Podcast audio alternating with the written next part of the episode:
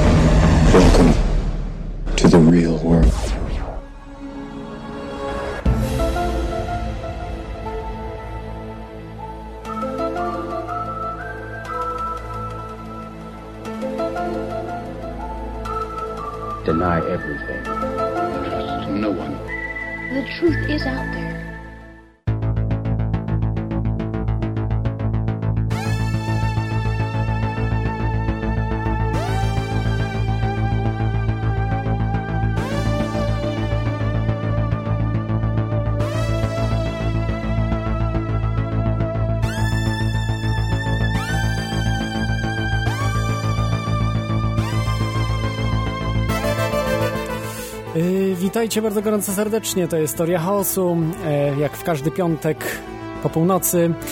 Yy, dzisiaj jest ostatnia, to jest to ostatnia Teoria Chaosu w trzecim sezonie.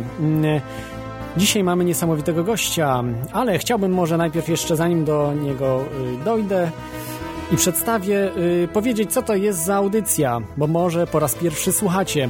Jest to audycja o spiskach i rzeczach niewyjaśnionych. O wszystkich tych dziwnych rzeczach, o które się filozofom nie śniły, jak mawiali Grecy.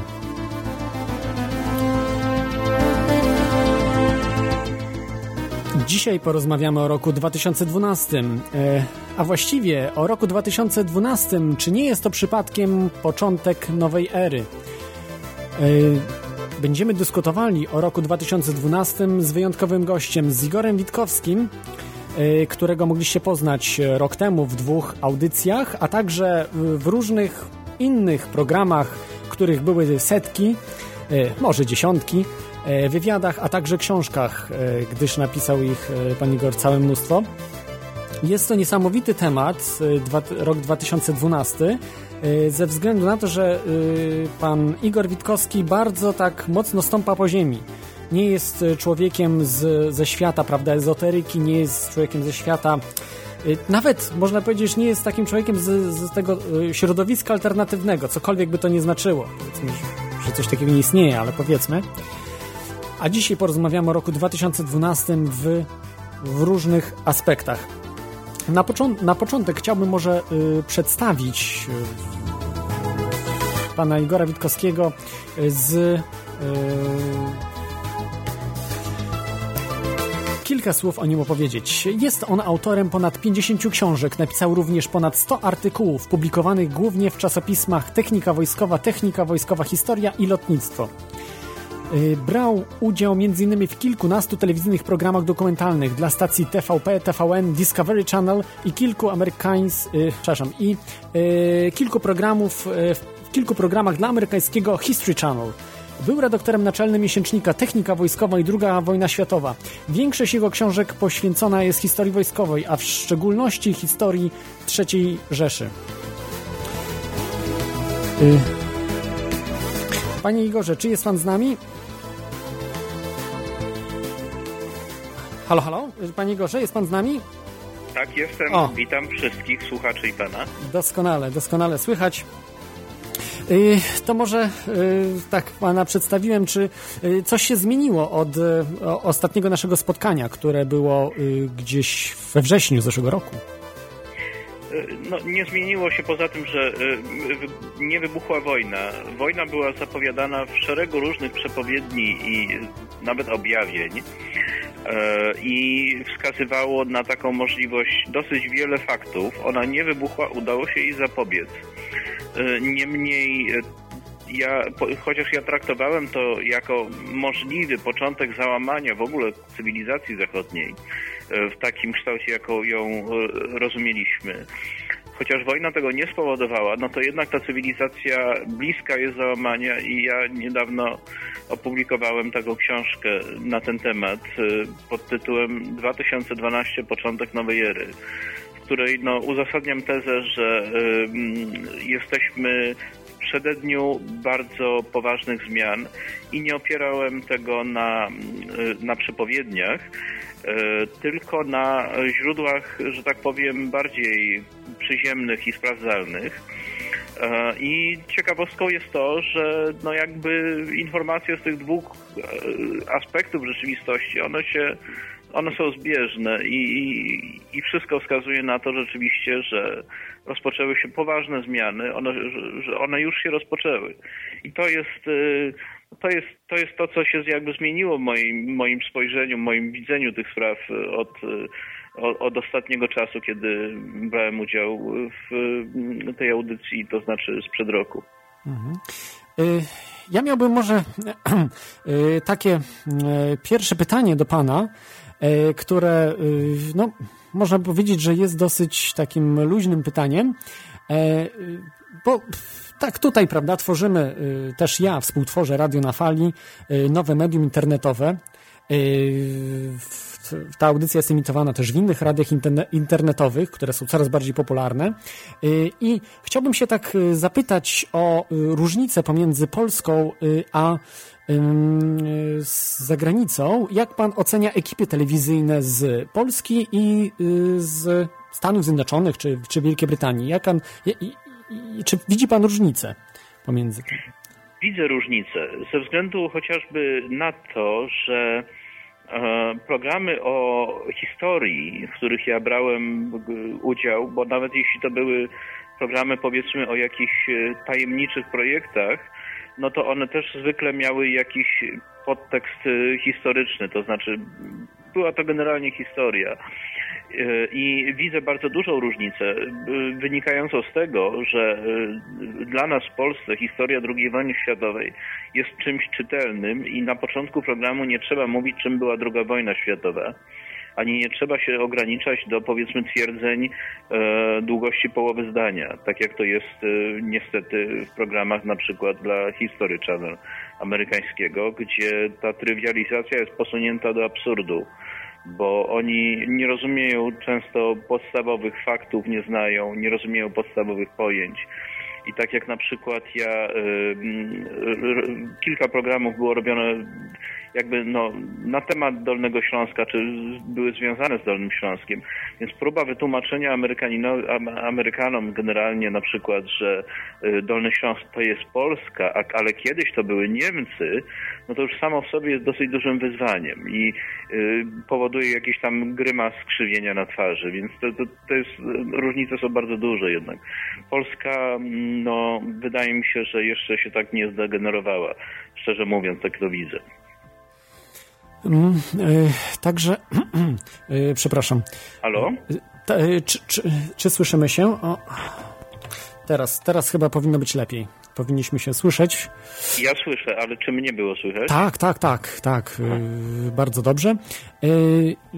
to tak na wstępie, czyli pan mówi, że w Stanach Zjednoczonych przede wszystkim, prawda, bo chyba w Wielkiej Brytanii nie jest aż tak źle, nie jest aż tak źle, aczkolwiek też są różnice i jeśli mogę króciutko powiedzieć coś na ten temat, taki dziwny może szczegół, mogę? Tak, tak, tak, proszę bardzo. E, ja e, znałem człowieka, który pracował w Muzeum Wojska Polskiego w Warszawie, niestety on już nie żyje, ale e, on zna, znał też różnych innych historyków właśnie z takim doświadczeniem muzealnym. I jeden z jego kolegów dorabiał jako przewodnik dla wycieczek zagranicznych w Oświęcimiu znaczy w obozie Auschwitz i e, przyjechała e, wycieczka nauczycieli historii ze szkół średnich brytyjskich.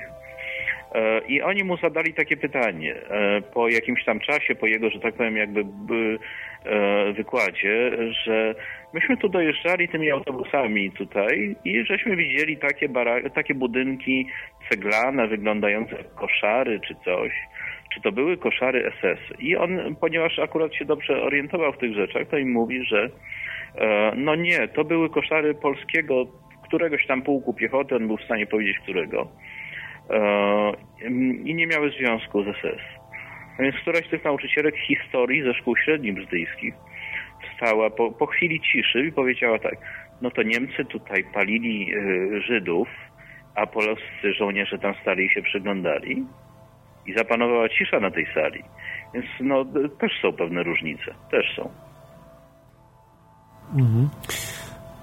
Y, tak, tak to niestety jest właśnie z, z historią, z tymi rzeczami, prawda, że mm, no, y, z, z reguły, prawda, y, zawsze jest gdzieś przekłamanie, prawda, tej historii, szczególnie w, w szkołach zdarza się to, prawda, w, w, czy, czy w Stanach Zjednoczonych, czy, czy w krajach Zachodu, ale także i w Polsce, bo pamiętam do dzisiaj, że w liceum nigdy nie uczono mnie o tym, że Polska razem z Adolfem Hitlerem zajęła Czechosłowację. To znaczy, nie wiem, czy chyba w tym samym momencie. Za, za Olzie, tak, za Olzie, ale tak. To, Nigdy o tym nie informowano w Polsce. Można szkołach. się tego czepiać, że to był rozbiór polsko-niemiecki, aczkolwiek no, to też nie do końca tak jest, dlatego że tam było dosyć dużo ludności polskiej jednak na tym Zaorsiu, także E, oczywiście nie, jest to selektywne, ale, ale nie aż tak bardzo jak, jak na Zachodzie, a, a w Stanach Zjednoczonych to nawet nie bardzo jest do czego porównywać,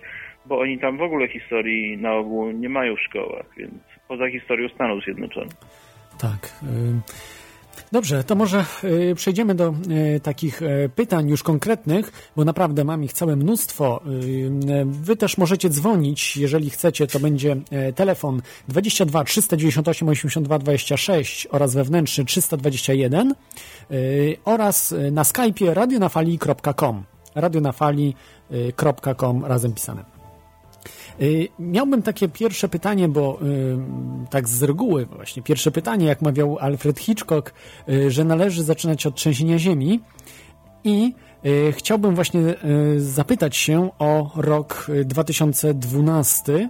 Co może powiedzieć Igor Witkowski o roku 2012? Czy według Pana odwrotnie właśnie jak u Hitchcocka skończy się na kataklizmie właśnie ten rok? Bo się nie zaczął jednak od kataklizmu. E, nie zaczął się od kataklizmu, ale ten kataklizm jest e, już e, bardzo bliski. To znaczy, to co ja opisałem w tej swojej książce 2012, początek nowej ery, i to, czym ona się różni od książek, powiedzmy, o przepowiedniach Oriona czy Majów, nie przeczy im tak do końca, ale, ale no jednak różni się. To, to jest to, że pokazuje, jakby czytelne jednak dosyć procesy, które już się dokonują, e, które już się rozpoczęły może w ten sposób raczej. E, I widać w tej chwili, ludzie widzą, że e, rozpoczął się poważny kryzys finansowy w Europie, powiązany z kryzysem gospodarczym. I w Stanach Zjednoczonych też mamy poważne oznaki kryzysu. Oni się bardzo boją, że to, co jest tutaj co tak naprawdę zresztą zaczęło się w Stanach Zjednoczonych, że to znowu się do nich przeniesie i że nastąpi załamanie. I to jest to, co widać e, na tej jakby płaszczyźnie, e, że tak powiem, materialnej. E, I to jest dopiero początek, ale już można powiedzieć, że doprowadzi to do zmian poważnych to znaczy, można mówić w tej chwili o jakby dwóch fazach tego etapu transformacji, bo ja stawiam tezę, że mamy do czynienia z początkiem bardzo dużej transformacji. E, więc jeśli chodzi o ten sam etap, powiedzmy gospodarka, finanse, społeczeństwo i tak dalej, to, to, to mamy, jesteśmy na progu załamania gospodarczego w Europie. E, zwłaszcza w strefie euro i no, to widać, to można powiedzieć po, na tej podstawie, że, że w zasadzie większość powiedzmy banków hiszpańskich czy włoskich jest bankrutami tak naprawdę, tylko się to, nie mówi się tego otwarcie i e, nie ma możliwości zapobieżenia e, dalszemu rozwojowi wypadków.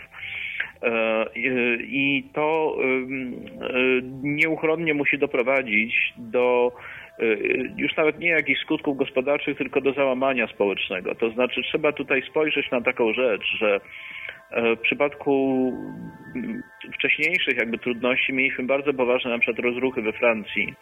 W zeszłym roku zdaje się były te rozruchy w Wielkiej Brytanii i e, już nie mówię o tym, co się w tej chwili w Grecji dzieje y, gdzie bardzo dużo ludzi traci wszelkie źródła utrzymania i można się spodziewać, że to, co się będzie działo na płaszczyźnie powiedzmy gospodarczej, doprowadzi i to będzie znacznie ważniejsza faza zmian, doprowadzić do załamania społecznego. To znaczy, ja nie mam tu na myśli tego, że ludzie powiedzmy przestaną brać udział w wyborach, tylko że będzie po prostu przemoc na ulicach, będzie sprzeciw wobec ogólnie systemu i y, do tego stopnia, że, że krew się poleje. Tak, tak ja mam wrażenie. I to jest pierwsza zaledwie faza i to już, jest, to już się dzieje.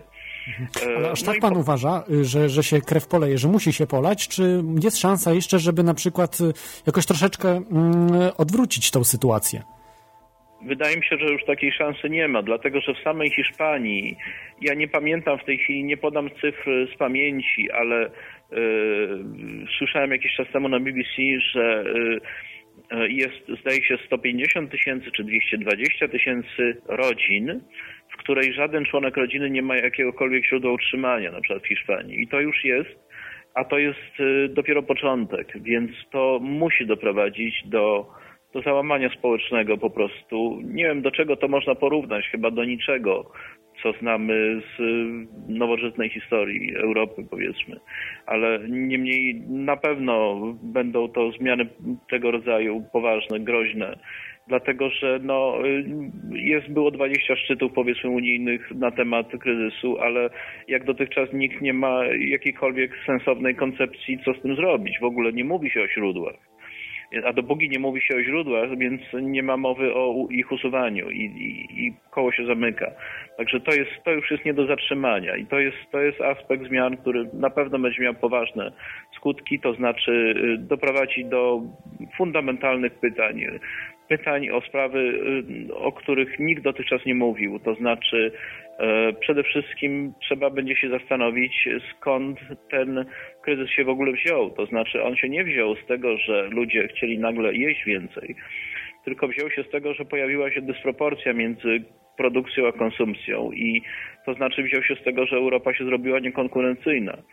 I y, pojawią się pytania, skąd się ma brać w ogóle wzrost, czy w ogóle rozwój naszej cywilizacji. Y, a jeśli już takie pytania się pojawią, a one będą się pojawiać poważnie, no bo ludzie będą to czuli, y, że coś się dzieje, to musi doprowadzić do bardzo poważnych przewartościowań, no, do zastanowienia się po prostu, czym ma być ta cywilizacja zachodnia i do jej do jej transformacji. A to jest tylko pierwszy, pierwsza jakby faza, ta, którą już widzimy. No, ja myślę, że jeszcze jest e, szansa. Być może faktycznie w niektórych krajach nie, e, tak jak, tak jak pan mówi, prawda, w Hiszpanii, e, gdzie, gdzie jest naprawdę no, coraz gorzej, nie mówiąc też już o Grecji, o też, no, Islandia jakoś sobie dała radę, prawda, bo wygonili te mm, elity światowe. Ale myślę, że je, je, co pan sądzi na przykład o takich krajach jak Polska, czyli mm, no, które nie są zbyt bogate, ale no powiedzmy Europa Środkowa, prawda? Czyli te kraje, które y, wyszły z komunizmu, jak one się właśnie w tej sytuacji znajdą? Bo ja myślę, że jednak kraje jak Wielka Brytania, Irlandia, czy, czy no podobne jakoś sobie poradzą, bo z, chyba po prostu... Nie, Mhm. Nie można uogólniać, że kraje, które wyszły z komunizmu, bo na przykład Węgry są w bardzo złej sytuacji gospodarczej, a Polska nie jest bardzo złej, ma wzrost. Natomiast do tego, odnośnie tego, czy uda się tego uniknąć, no system, e, to jest kryzys globalizacji generalnie, to co widzimy i e, to się bierze stąd, że powiedzmy przemysł własny, a zwłaszcza w Stanach Zjednoczonych, jest zastępowany importem kredytowanym e, przez e, kredytowanym z pieniędzy drukowanych, generalnie pustych pieniędzy. I w momencie to, to polega na tym, że jest bardzo mała grupa ludzi, która robi na tym fortuny, bo jeśli można coś wy, wyprodukować 10 razy taniej niż w samych Stanach Zjednoczonych, to y, generuje to zysk, prawda? Natomiast generalnie większość ludzi traci pracę. Przemysł w Stanach, na, na, ja mówię o przykładzie y, odnośnie Stanów Zjednoczonych. Przemysł, w Stanach jest zlikwidowany i tego się po prostu nie ma utrzymać, to musi zbankrutować. To już bankrutuje i to nie ma możliwości uniknięcia konsekwencji tego. To za ciężko na to wszystko pracowano, żeby stworzyć taki problem, żeby teraz nagle on mógł zniknąć. Natomiast jeśli chodzi o Polskę, to y, no jest szansa, że Polska nie zostanie tym tak mocno dotknięta jak niektóre kraje inne. E, i jakoś tam obronną ręką z tego wyjdzie. E, przede wszystkim dlatego, że nasza gospodarka jest w większym stopniu oparta na wytwórczości, a w mniejszym stopniu jest to gospodarka wirtualna, czyli generowanie zysku nie wiadomo z czego, bez jakichś materialnych podstaw, tak, to, tak jak to jest w tej chwili na zachodzie Europy. I jakoś tam z tego może i wyjdzie, ale to to wszystko, co doprowadzi, tak jak mówię, gospodarka tu nie jest kluczem. Kluczem tutaj jest załamanie społeczne, które zmusi Zachód generalnie do przewartościowań i te przewartościowania się rozpoczną. Natomiast to jest tylko częścią e, e, procesu transformacji. To jest tylko część to, to wszystko i inne rzeczy też się już zaczynają, ale to, o tym powiem za chwilkę. Mhm. Y, tutaj na czacie, y, bo możecie wejść na czata, o tym zapomniałem, y, radionafali.com jest czat, możecie wejść i podyskutować właśnie w, na temat dzisiejszej audycji.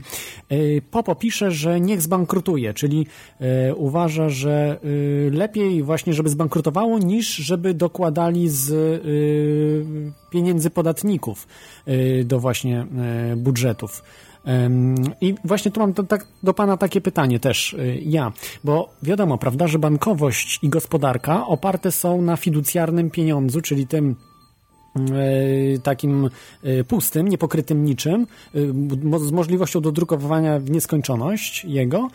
Kontrolowany on jest, tak jak Fed na przykład, przez małą liczbę osób związanych z kilkoma rodzinami bankierskimi. I Tutaj mam właśnie takie pytanie, y, bo jak wiadomo, gospodarka się opiera na pieniądzu i y, jeżeli pieniądz jest y, powiedzmy jakimś złym budulcem, tak jak w, w, tym momencie, i mamy ten kolos, całą gospodarkę, to wydaje mi się, że to tak jakby ten pieniądz był glinianymi nogami tego kolosa. I pieniądz był, przepraszam, czym?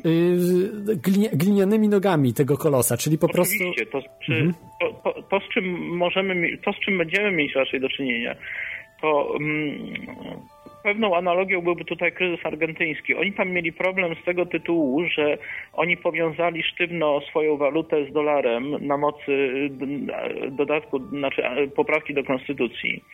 I to powodowało ukrywanie inflacji i generalnie y, opłacał się import, a nie opłacał się eksport. I yy, załamanie tego systemu spowodowało, że załamała się waluta i ona się stała tak naprawdę niczym przez pewien czas, aczkolwiek oni dosyć szybko wyszli z tego. I to, co my możemy mieć tutaj yy, teraz w Europie i w Stanach Zjednoczonych, to będzie w ogóle załamanie pieniądza. Nie kursu wymiany, tak jak tam było, co było przejściowe, tylko w ogóle załamanie pieniądza jako takiego. I no, to jest coś y, nieporównywalnego ani do kryzysu lat 30., ani w ogóle do czegokolwiek, co my znamy tak naprawdę. Może mieć to, na pewno będzie miało to po, bardzo poważne mm, konsekwencje. Aczkolwiek no, y, to, jest, to jest, tak jak powiedziałem, tylko część i jest wiele innych rzeczy, które się dzieją też.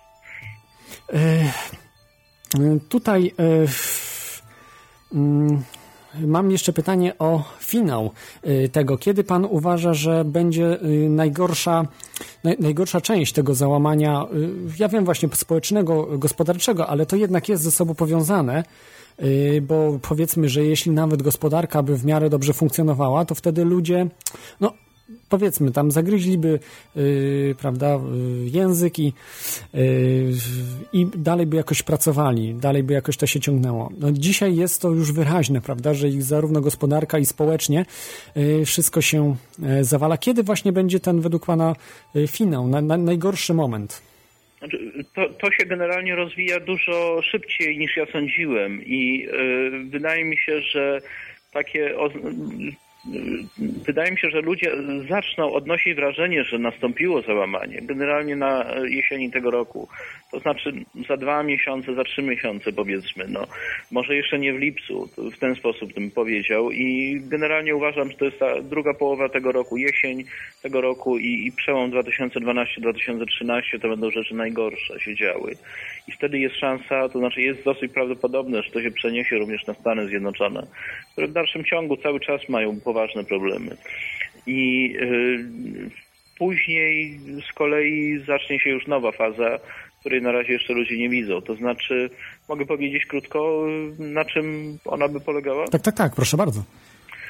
Po załamaniu społecznym, wskutek, w wyniku załamania społecznego, pojawi się problem w ogóle przestawienia gospodarki na inne tory, bo na, tą drogą, która ona dotychczas podążała, nie może podążać dalej. Jest to ślepa uliczka, która prowadzi do w ogóle autodestrukcji generalnie. I pojawi się znaczy trzeba będzie w ogóle stworzyć nową kulturę, bo rozwój z tego wynika generalnie. Wadą, znaczy jakby miarodajną oznaką y, rozkładu cywilizacji zachodniej jest to, że ludzie w ogóle nie rozumieją takiego tematu jak rozwój. Nie wiedzą skąd się bierze, albo dlaczego go nie ma, co miałoby go generować. To jest w ogóle temat, który nie istnieje w świadomości społecznej. Y, nie mówię już o wzrost w sensie gospodarczym, ale w ogóle rozwój. No, prawda? Na, na przykład dlaczego dzieci się rozwijają, albo się dlaczego czasem nie rozwijają. Ludzie nie rozumieją tego. Więc trzeba będzie naprawdę przewartościować to dosyć głęboko, ale to jest tylko jedna rzecz taka może mniej ciekawa, aczkolwiek ta, która, którą już widać, której oznaki już widać, to znaczy ten aspekt powiedzmy gospodarka, finanse, społeczeństwo. Natomiast są też inne płaszczyzny jakby transformacji nie mniej ciekawe, a może i bardziej ciekawe, no bo to, co jest przykre dla nas wszystkich, jest może nie jest aż tak ciekawe. Są, natomiast są rzeczy takie, które, które, które są po prostu no, zaskakujące nawet. Mianowicie no, tego się nie da powiedzieć w dwóch zdaniach. Może w pięciu, dziesięciu, piętnastu tak, ale, ale generalnie są dosyć no, intrygujące, zaskakujące. Jestem zaszokowany tym, czego się dowiedziałem. Mianowicie na przykład oznaki rozmontowywania Watykanu. Dosłownie. E, jest, jest, znaczy wygląda na to, że papież nie ma żadnej realnej władzy. Ja śledzę ten temat od, od pewnego czasu i dochodzą mnie sygnały, no, dziwne, no dziwne po prostu. To, co się tam dzieje jest y, też nie ma precedensu, więc y, generalnie to, co ja widzę jako, trans, jako wielką transformację nadchodzącą, rozpoczynającą się, e, ona będzie wynikała e, z nałożenia się na siebie szeregu różnych zjawisk, które się rozgrywają na różnych płaszczyznach, pozornie tylko niezależnie, ale to się wszystko przetnie ze sobą, nałoży i da jeden e, spójny, łączny efekt, który będzie polegał na podważeniu generalnie fundamentów naszej cywilizacji. Ale to nie będzie rzecz zła, dlatego że e, żeby powstała nowa jakość, to najpierw trzeba ludziom uświadomić, że ta stara jest iluzją e, i niesprawiedliwością też, ale mm, więc takie, takie, takie sprawy są bardzo ciekawe. Mhm. A to y, tak, może tak się zapytam e, troszkę y, dogłębniej. E, to ma pan kogoś znajomego właśnie w, y, w tych kręgach, y, o których właśnie pan wie, że...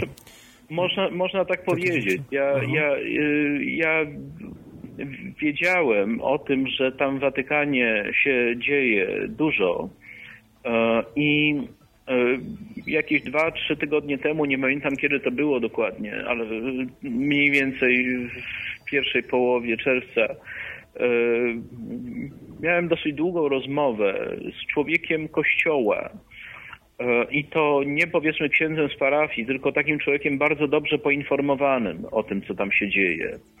Nie będę mówił kto, no, z, z powodów oczywistych, ale to nie przeszkadza, y, bo to są rzeczy już, które można zweryfikować, jeśli ktoś dobrze poszuka.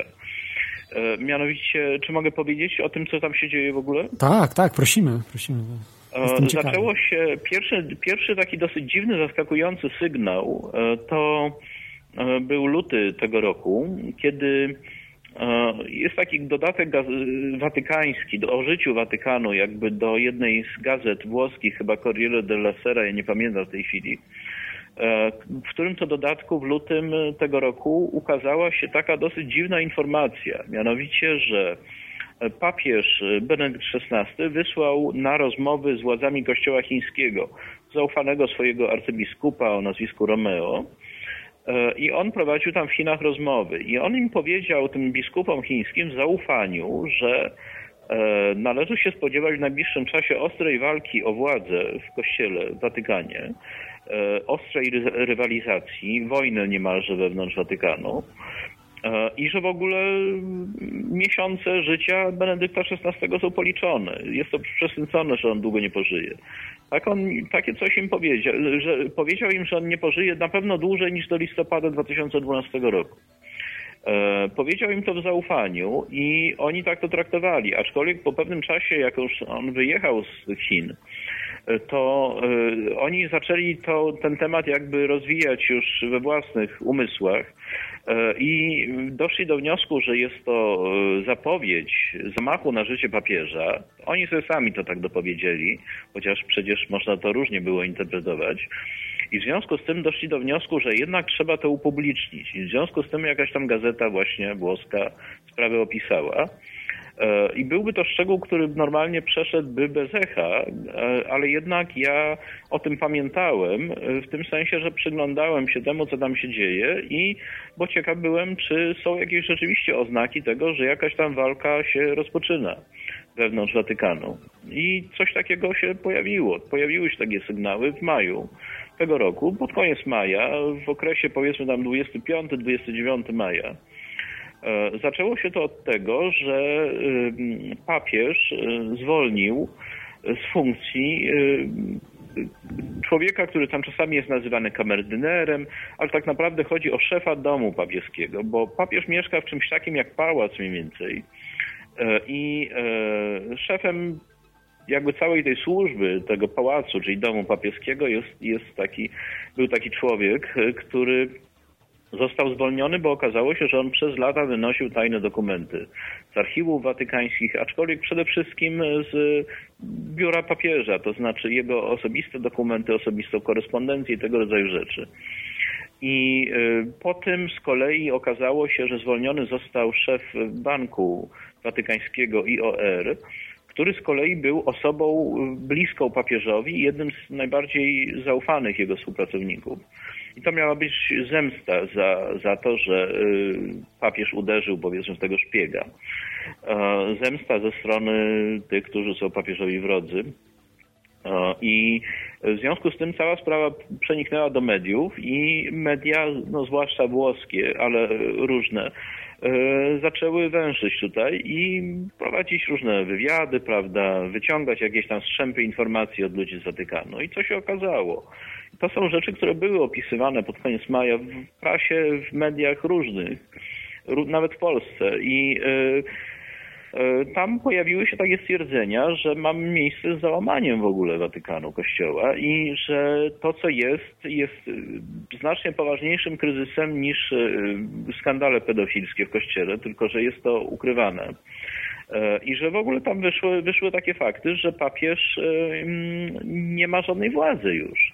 To znaczy, że on się otoczył trzema ludźmi, jakimiś y, zaufanymi w ogóle spoza Watykanu ściągniętymi.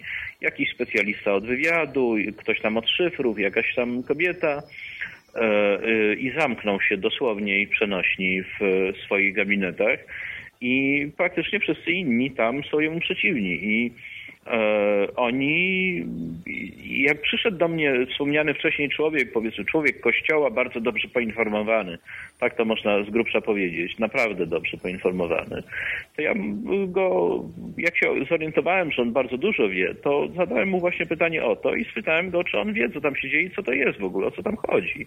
E, uprzedzając jakby jego odpowiedź, ja mu powiedziałem, że ja sobie to wyobrażam mniej więcej, że to funkcjonuje tak jak księstwo. E, sprzed 300 czy 400 lat, które zawsze księstwa prawda, żyły jakimiś e, intrygami, wymyślaniem nowych trucizn. No, Jan Paweł I został podobno truty, e, koteriami i różnymi takimi rzeczami. On powiedział tak, no to jest księstwo.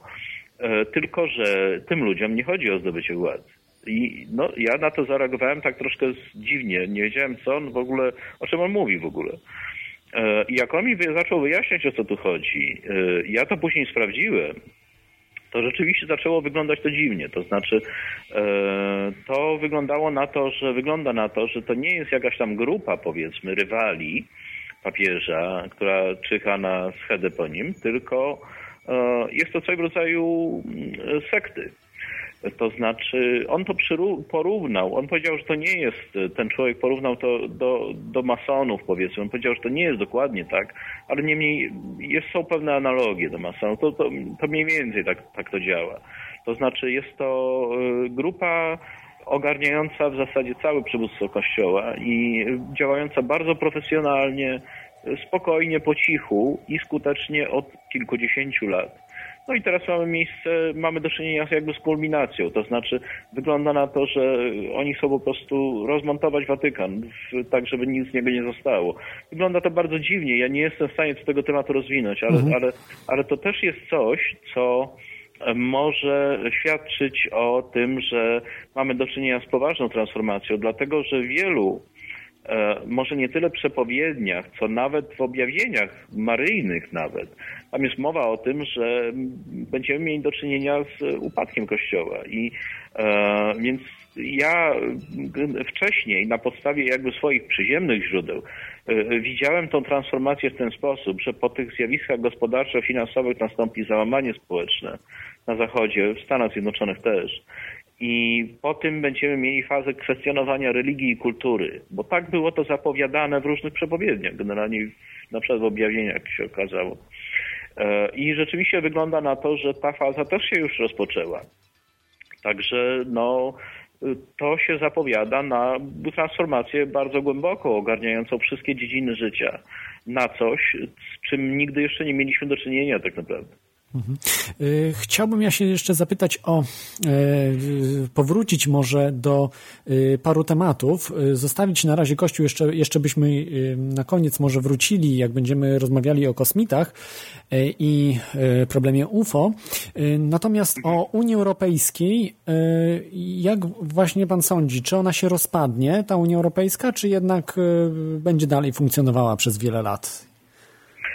Wygląda na to, że albo nastąpi upadek w ogóle Unii Europejskiej, albo nastąpi upadek częściowy i reszta będzie działać na jakichś nowych zasadach e, w oparciu o większą integrację. Natomiast najbardziej prawdopodobny scenariusz wydaje mi się taki, że Europa się podzieli po prostu. Mhm. Jakby na dwie części. Na słabiej rozwinięte południe, które nie ma nowoczesnej gospodar- nie, nie ma nowoczesnych gospodarek w takim rozumieniu powiedzmy jak mają e, Niemcy czy, czy Wielka Brytania i na tą północną bardziej część.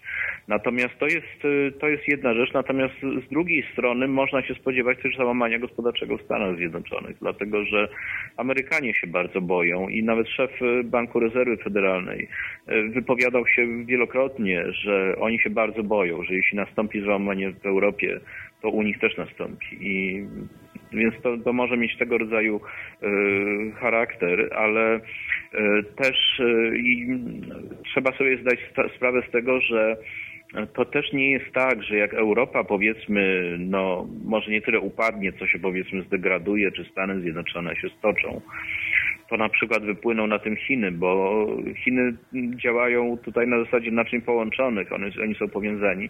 I w Chinach od dłuższego czasu, od wielu miesięcy mamy do czynienia z jakby takimi rozproszonymi w różnych miastach rozruchami. One są cały czas. Wczoraj były na przykład, pokazywali w telewizji. Więc y, to załamanie społeczne to, to, to, nie dotyczy tylko Europy, ta groźba nie dotyczy tylko Europy i Stanów Zjednoczonych, ale w ogóle różnych krajów. Zresztą wystarczy tutaj spojrzeć prawda, na kraje arabskie, gdzie mm, rosnący lawinowo cen, wzrost cen żywności doprowadził też do, do fali, do, do czegoś, co nazywane jest rewolucjami arabskimi, prawda? Mhm. masowo, masowo. Mamy do czynienia z globalnym problemem. To nie jest tylko kwestia Europy. Mhm. Ja myślę, że właśnie e, może być tak, że to y, Europa jeszcze nie zaczęła. To znaczy oni już zaczęli, prawda, robić e, rewolucję ludzie, już troszeczkę mm, tak. gonią powiedzmy Europę, prawda, że oni chcą mieć bardziej tak jak w Europie, troszeczkę więcej no, unowocześnić te kraje, bo jednak one były bardzo zacofane w większej części. Te kraje, które, w których była ta rewolucja, no to chyba naj, naj, najbardziej rozwinięta to była Libia z tych wszystkich krajów, a jednak Libia też nie była nie wiadomo jak rozwinięta. Mhm. I myślę, że po prostu Europa będzie chciała też, ludzie w Europie jeszcze wyżej pójść, prawda? Że nie będą chcieli oczywiście być na tym samym poziomie, co, tylko że pójść właśnie o tym, co pan y, chyba właśnie w książce pisze, o tej cywilizacji kosmicznej. Y, do, do, o której jeszcze o, myślę, że sobie powiemy właśnie o problemie. Tak, ale to, ale to jest mhm. powiedzmy ta kwestia, co ma się z tego na tych gruzach rozwinąć, to jest, to jest powiedzmy trzecia faza, ja to tak nazywam. Natomiast y, no, ludzie w tej chwili jeszcze, załóżmy na przykład w Europie, nie widzą skali problemu bo jeszcze ich to tak bezpośrednio nie dotyka. Dotyka ich częściowo, dotyka część ludzi. No jeśli mowa jest o tym, prawda, że bezrobocie w Hiszpanii wynosi 25%, no to znaczy, że dotyka, ale, ale to jeszcze nie jest to, y, co prawdopodobnie będzie. Natomiast jeśli ich rzeczywiście dotknie i, i ludzie, miliony ludzi będą czuli na własnej skórze ból, duży ból, no to wtedy rozpocznie się gniew. I jeśli tym ludziom się powie, że e, temu winni są, winne są niewielkie grupy e, ludzi bogacących się w sposób nieuzasadniony, żerujących na nich, bo de, facto tak jest. No to jest niesprawiedliwy bardzo system, taki łupieszczy e, no to gniew zostanie skierowany przeciw nim. I jeśli to już się zacznie, to będzie dosyć trudne do zatrzymania, bo przy tego rodzaju pa, para rewolucji, powiedzmy, no to trudno będzie mówić o, o wyjściu, prawda, z załamania. To, to, to się będzie tylko pogłębiać jeszcze przez pewien czas. Tak jak się pogłębia, powiedzmy, dalej na przykład w Egipcie czy, czy w Syrii, e, gdzie cały czas mamy miejsce, mamy do czynienia z destabilizacją i może to jest ponad rok po, po tym, jak to się rozpoczęło. Także e, ja myślę, że generalnie będzie duży gniew ludzi skierowany przeciwko elitom i on, e, tak jak, tak jak była mowa o rozmontowywaniu Watykanu, to ten gniew rozmontowany montuje y, system zachodni od fundamentów, od dołu. Mhm. Czyli tu jeszcze ostatnie pytanie dotyczące y, elit. Y, jak pan właśnie odnosi się do problemu nowego porządku świata, NWO i ukrytej władzy? Na ile pan sądzi, realni rządzący są ukryci i gdzie powinniśmy ich szukać, jeżeli istnieją? Bo to chodzi mi o poza właśnie tymi elitami, których widzimy w telewizji. Problem jest taki, że jeśli mamy do czynienia w Stanach Zjednoczonych, w dużej części również w Europie Zachodniej, z, eksportem przemysłu do trzeciego świata, na czym tracą olbrzymie miliony ludzi, którzy po prostu tracą pracę, no widać, że oni tą pracę tracą, prawda? Y, to, y, no to jest jednak tu problem jakiejś grupki, która E, gotowa jest zarżnąć swojego żywiciela, byle na tym zarobić, prawda, jakieś tam krocie. I to jest duży problem. Natomiast oprócz tego jest jeszcze też pro, szerszy problem w ogóle y, manipulacji ludźmi na dużą skalę, ale to tutaj to ja bym powiedział, że źródło leży troszeczkę gdzie indziej. Znaczy, ono w sumie tak naprawdę też jest jedno. To znaczy na tym, że społeczeństwa w tak zwanym, w tak zwanych rozwiniętych krajach zachodnich, one są na to manipulacje podatne. No jest to proces niestety nie, trudny do zakwestionowania, bo oni żyją no, w świecie jakiejś takiej ułudy. Y, mowa była o tym, powiedzmy, że, że prawda ta znajomość historii na Zachodzie, zwłaszcza w Stanach Zjednoczonych, jest niewielka. To się może wydawać, że to jest problem abstrakcyjny, bo historia tak naprawdę nam do codziennego życia nie jest potrzebna. Ale to nie jest tak, dlatego że jeśli my, to znaczy ludzie, prawda, żyjący w tym świecie, jeśli my zastanawiamy się, analizujemy skutki takich czy innych decyzji, wydarzeń, procesów, e, to my jesteśmy w stanie przewidywać te skutki przez analogię do tego, co znamy, to znaczy do historii. W momencie, kiedy ludzi od tej historii odetniemy, tak jak Amerykanie, oni zupełnie nie rozumieją tych, tych rzeczy, prawda? Na czym polega funkcjonowanie świata w sensie polityki międzynarodowej i tak dalej. Oni, nie mają pojęcia o takich rzeczach, przeciętny Amerykanie. To jeśli odetniemy ich od tej jakby od, od, od tej bazy, na, w oparciu o którą oni są w stanie analizować rzeczywistość ich otaczającą, no to, to mamy właśnie taki skutek, że cokolwiek by się działo, to, i, to wszystko ich zaskakuje. I więc jest problem taki, że społeczeństwa po prostu nie są w stanie tak naprawdę partycypować w tych procesach demokratycznych. Oni tych decyzji nie są w stanie podejmować. I no, to jest właśnie przyczynek do tego, że to nie jest kwestia finansów czy gospodarki, ale w ogóle zreformowania Zachodu od, od podstaw aż do samej góry. I prędzej czy później te pytania będą się pojawiały i, i to musi zaowocować e, jakimiś skutkami, jeśli nie na całym Zachodzie, to przyna, przynajmniej w niektórych krajach. Dlatego, że ból będzie tak duży, że nie da się o tym zapomnieć po prostu. Mhm. Y, tutaj mam mm, jeszcze pytanie mm, o żeby tak zreasumować, zreasumować wszystko, y, co powiedzieliśmy, bo y, mówił Pan o tej kreatywności, pomysłowości, którą cywilizacja utraciła. I czy uważa Pan właśnie, że ta kreatywność, pomysłowość jest y, najważniejszą kwestią w rozwoju cywilizacji?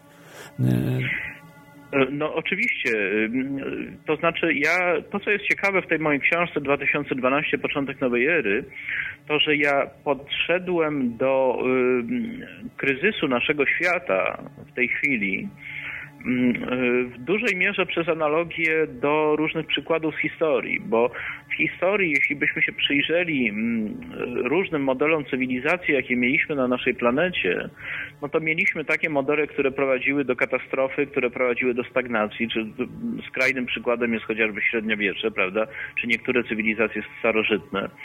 E, gdzie można jasno zobaczyć, skąd ich ten problem i skąd te, skąd te ich katastrofy się wzięły. E, a z kolei z drugiej strony mieliśmy też modele cywilizacji, które wykonały olbrzymie przeskoki do przodu. Albo w całości, albo w pewnych dziedzinach. No, chociażby Cesarstwo Rzymskie, prawda, było, znacznie wyprzedziło jednak swoją epokę. E, Grecja klasyczna wyprzedziła może nie tyle w technice, co, co, co w innych naukach. E, no, tu, tutaj, się, tutaj się y, trochę nie do końca zgodzę, bo w technice też, na przykład ten komputer pierwszy grecki, tak. który był znany tak, że także mieli, mieli oni, oni, oni, mieli dosyć pogardliwe podejście do techniki. Oni e, rzeczy takie praktyczne, użyteczne, mechaniczne, to oni uznawali za e, domenę powiedzmy rzemieślników, a nie filozofów, czyli nie prawdziwie wykształconych ludzi. I oni mieli takie dosyć dziwne, to znaczy podejście, to znaczy bardzo selektywne. Oni nigdy nie rozwinęli rozumienia ścisłego takiego rzeczywistości. To znaczy w tym sensie, że na przykład w ogóle nie funkcjonowało coś takiego jak w Grecji jak równanie matematyczne.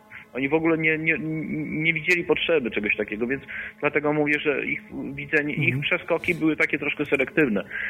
Czy właśnie w bliższych czasach to jest to, czym się zajmowałem, no to jest kwestia trzeciej Rzeszy, która no, na płaszczyźnie takiej ogólnoludzkiej no, była jednak y, krokiem wstecz, aczkolwiek nauce i technice wykonała przeskok gigantyczny. Mało ludzi sobie zdaje sprawę, jak duży.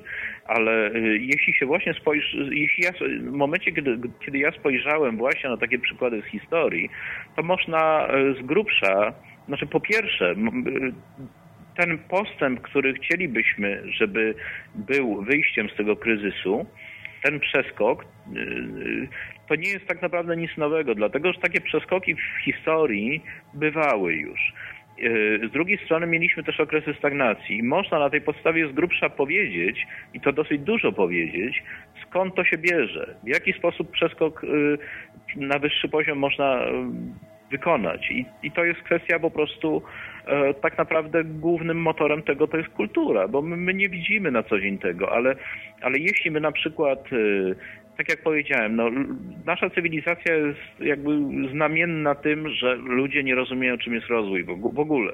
Takiego prostego, takiej prostej rzeczy nie rozumieją. I, yy, wystarczyło wyobrazić sobie powiedzmy taki pomysł, żeby pójść gdzieś do Ministerstwa Edukacji i powiedzieć im, a dlaczego nie wprowadzicie czegoś takiego jak przedmiot w szkołach nauka o rozwoju? Przykład, prawda? I no, jest oczywistą rzeczą, że nikt takiego, takiej propozycji nie weźmie poważnie to świadczy o tym, że ta cywilizacja jest skazana tak naprawdę na upadek. I jeśli chcemy tego, z tego wyjść, no to musimy po prostu zmienić fundamenty. A, a jednym z tych fundamentów jest właśnie, więc stąd to uderzenie w religię, bo chodzi o podważenie tak naprawdę naszej kultury, bo trzeba stworzyć nową kulturę, która będzie nowym zupełnie mechanizmem rozwoju. A, a właśnie przykłady z historii pokazują, że można osiągnąć w ten sposób właśnie, można osiągnąć gigantyczny przeskok. Mhm. Ja może tak tylko od siebie dodam tutaj... Um w związku z tym, że się cofnęliśmy wręcz w y, badaniu eksploracji kosmosu, bo wszyscy pisarze science fiction przewidzieli, no, znaczy opisywali, prawda, rozwój, że będziemy do Saturna dolatywali, ale nikt żaden pisarz science fiction nie przewidział, że się cofniemy, że y, w 70, y, na początku lat 70., 72 roku ostatni raz po prostu będzie człowiek y, będzie na Księżycu i potem 40 lat jest kompletna, kompletna cisza, jeśli chodzi o rozwój i wysyłamy od czasu do czasu jakieś tam pojedyncze satelity, ale kom, kompletnie praktycznie w kosmos to latamy tylko, nie wiem, żeby satelity wypuścić albo nie, no, żeby tam biznesmen sobie tak. na orbitę wyleciał i nic, nic dalej. Ludzie rzadko zdają sobie sprawę, e, w jak potężnej stagnacji znalazła się nasza cywilizacja. I to nie jest kwestia ostatniego roku czy dwóch, ale w ogóle od czasu II wojny światowej. Bo można podać wiele przykładów, że że były nawet oznaki przełomu, jeśli chodzi na przykład o nowe źródła energii, nowe źródła napędów, y, jakieś tam klucze do pewnych dziedzin fizyki, prawda? E, można podać wiele takich przykładów, które zwiastowałyby przełom, gdyby nie to, że wszyscy je ignorowali. I, I stąd się bierze generalnie stagnacja. Ona jest po, potężna, no po prostu nasz, nasz świat stoi w miejscu. Mhm. To znaczy, jeśli y, ludziom młodym, którzy kupują sobie nowe iPady czy nowe telefony komórkowe, to się wydaje, że ten rozwój jest, prawda? Ale jeśli się porówna to do przykładów his w historii, kiedy mieliśmy szybki rozwój, do takich przykładów, no to widać, że to jest jednak potężna stagnacja i co gorsza, ona wynika z jakiejś takiej stagnacji ogólnie paraliżu intelektualnego naszej cywilizacji, ja powiedziałem. E, tak, muszę to potwierdzić. Ostatnio był właśnie wczoraj e, u nas na antenie profesor e, biochemik, z, mm, czy biolog molekularny, no nie wiem, biochemik powiedzmy, który powiedział, że w jego pracy, w tym wszystkim, co on obserwuje, on w Stanach Zjednoczonych na uniwersytecie pracuje jako profesor, obserwuje małe kroczki, czyli nie obserwuje żadnych po prostu y, przełomów. Wszystko jest na zasadzie właśnie takich e, małych kroczków, czyli iPod, prawda, później iPod 2, iPod 3, iPod 4, ale nie ma czegoś nowego, nie ma właśnie czegoś takiego, jakiejś y, telepatii, na przykład o, o, czym mówią whistleblowerzy też często. Dobrze, może y, tak chciałbym przejść tutaj do e, urządzeń Free Energy i tych rzeczy takiej nowej fizyki bym to określił. Jak, jak pan sądzi, czy obserwujemy już y, w tym roku że być może ktoś pierwszy zacznie wdroży tego typu rozwiązania, bo y, chyba słyszał pan, prawda, o Free Energy. Tak, oczywiście. Zna pan takich, tych ludzi od, takich, od tych, te, tego nurtu fizyki nowej. Oznak tego rodzaju przełomów jest dużo mhm. i tu trzeba dodać jakby w charakterze aneksu do, te, do tej naszej charakterystyki transformacji różnych płaszczyzn tej transformacji, że na razie mamy do czynienia ze zjawiskami, z załamywaniem się różnych rzeczy, z załamywaniem się dogmatów, z załamywaniem się finansów, z załamywaniem się społeczeństwa, z załamywaniem się powiedzmy pewnych dogmatów ustrojowych, ale częścią tego wszystkiego, bo jest to szerszy proces, który jest, no, powiedzmy sobie szczerze, nadzorowany, przepowiadany, przewidziany, zaplanowany od dawna olbrzymie, wielkie dzieło tworzenia, tak to jest nazywane. Więc częścią tego będzie również e, e, upowszechnienie, albo raczej może zrozumienie pewnych informacji, które dotyczących również pewnych dziedzin techniki, które umożliwią dokonanie przełomów, różnych przełomów. I to, co jest najważniejsze tutaj, to są właśnie po pierwsze napędy, to znaczy zrozumienie powiązania grawitacji z fizyką kwantową. Już są takie oznaki. Czyli antygrawitacyjne, tak? To o to chodzi? Tak, on, one oczywiście nie są rozumiane szerzej, ale one są już na, można powiedzieć na pewno, że one są, bo, bo są to eksperymenty no, robione nie przez kogoś w piwnicy, tylko powiedzmy przez Europejską Agencję Kosmiczną na przykład. Mhm, ale utajnione, bo oni się tym nie chwalą w ogóle. Nie, one nie są utajnione. To jest tak, że te akurat nie są utajnione. W latach, zdaje się, 2005-2007 Europejska Agencja Kosmiczna y, przeprowadziła taki mm, y, program badawczy. On został zlecony firmom wyspecjalizowanym nie samej agencji, bo ona nie była w stanie tego zrealizować, tylko innym firmom E, I e, tym kierował taki pan, który się nazywa Tajmar, ma nazwisko Tajmar, to znaczy chyba T-A-J-M-A-R.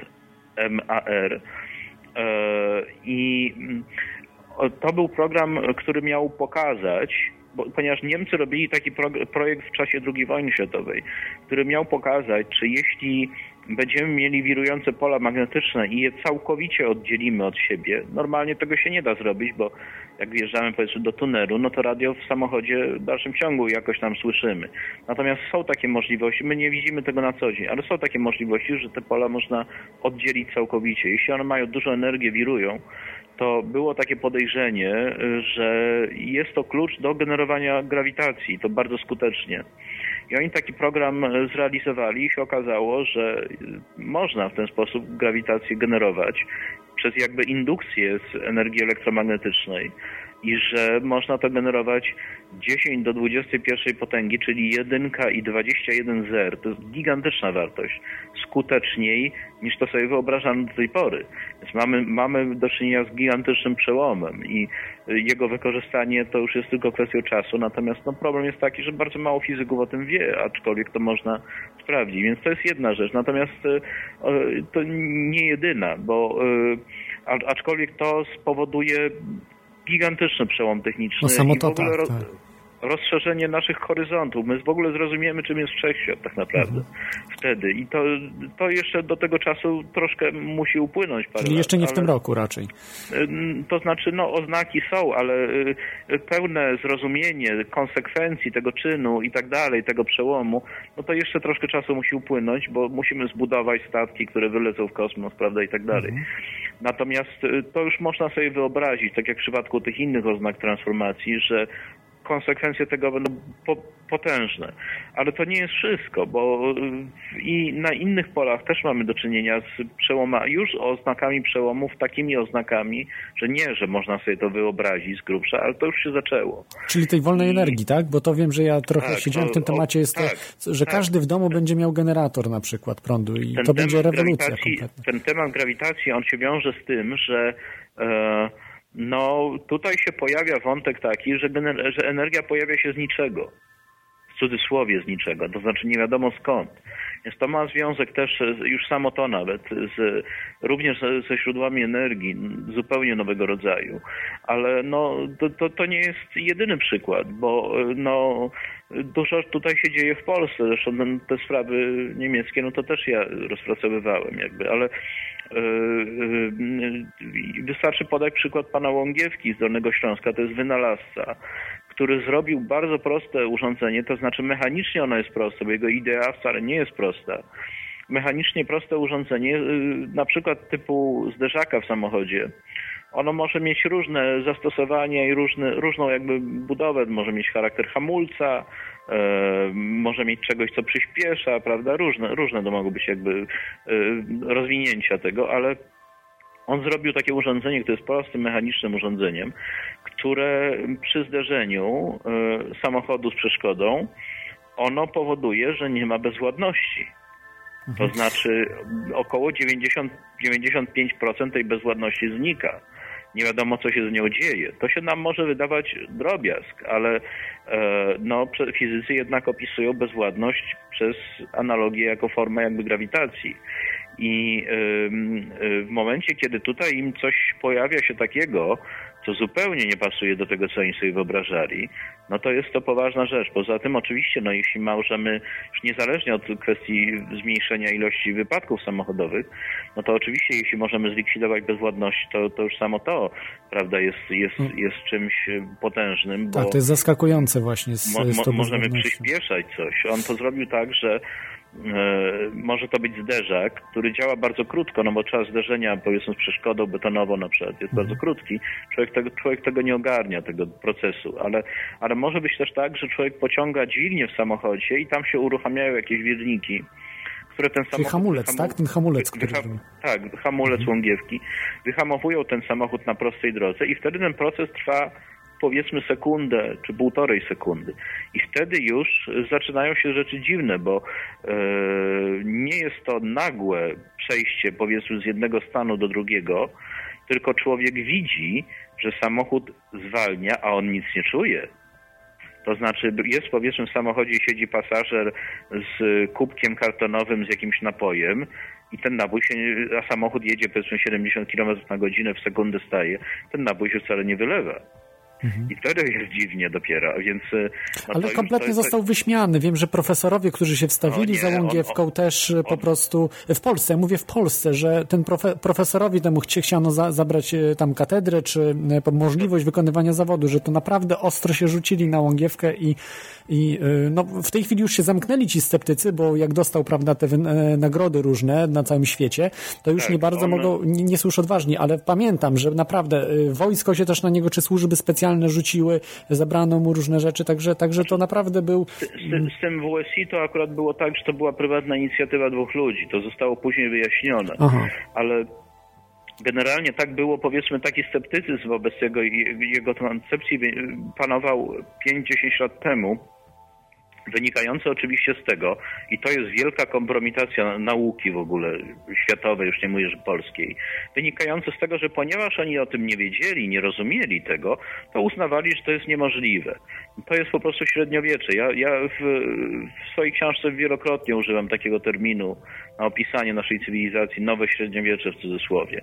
No bo niestety tak to trzeba rozumieć. Mamy przełom gigantyczny, którym nikt się nie interesuje. Dopiero kiedy on zrobi urządzenie i 150 razy zademonstruje je tysiącom ludzi, to dopiero powoli zaczyna się coś ruszać.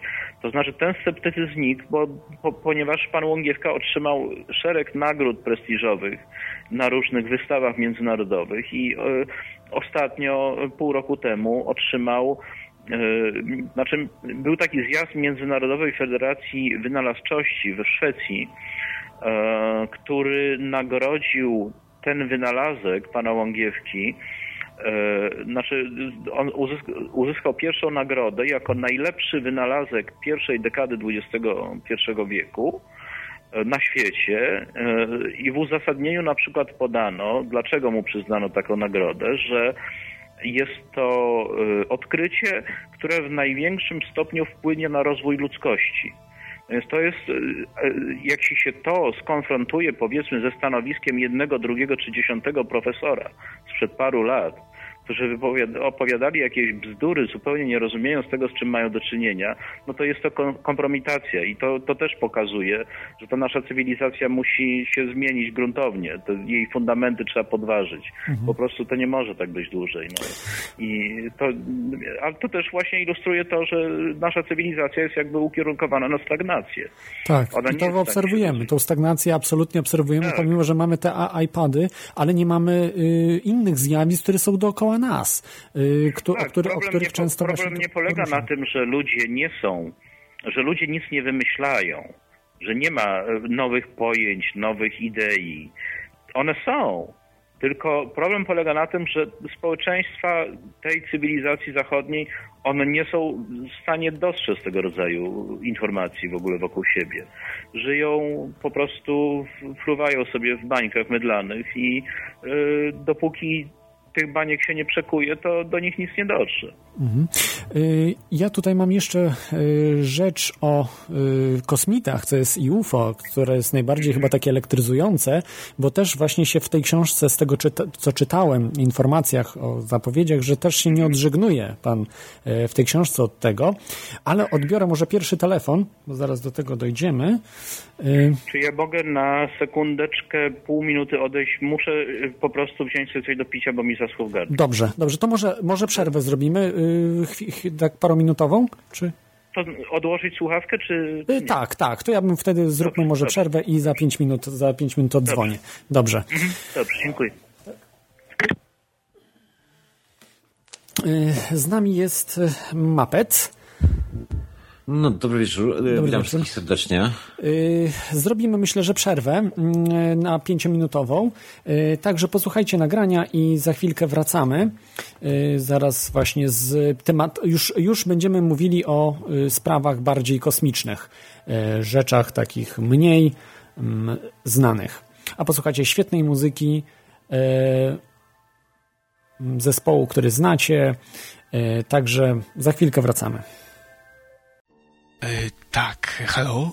E, mówi krawiec. E, no, ja chciałem powiedzieć, że jeśli któryś ze słuchaczy czułby się współodpowiedzialny za nasze radio, to numer konta może znaleźć na odpowiedniej podstronie.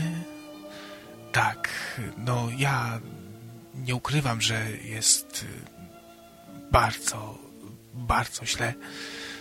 Tak, no ale to nie chodzi o to, aby tu się skarżyć czy coś, tylko siać trzeba, siać, siać, siać.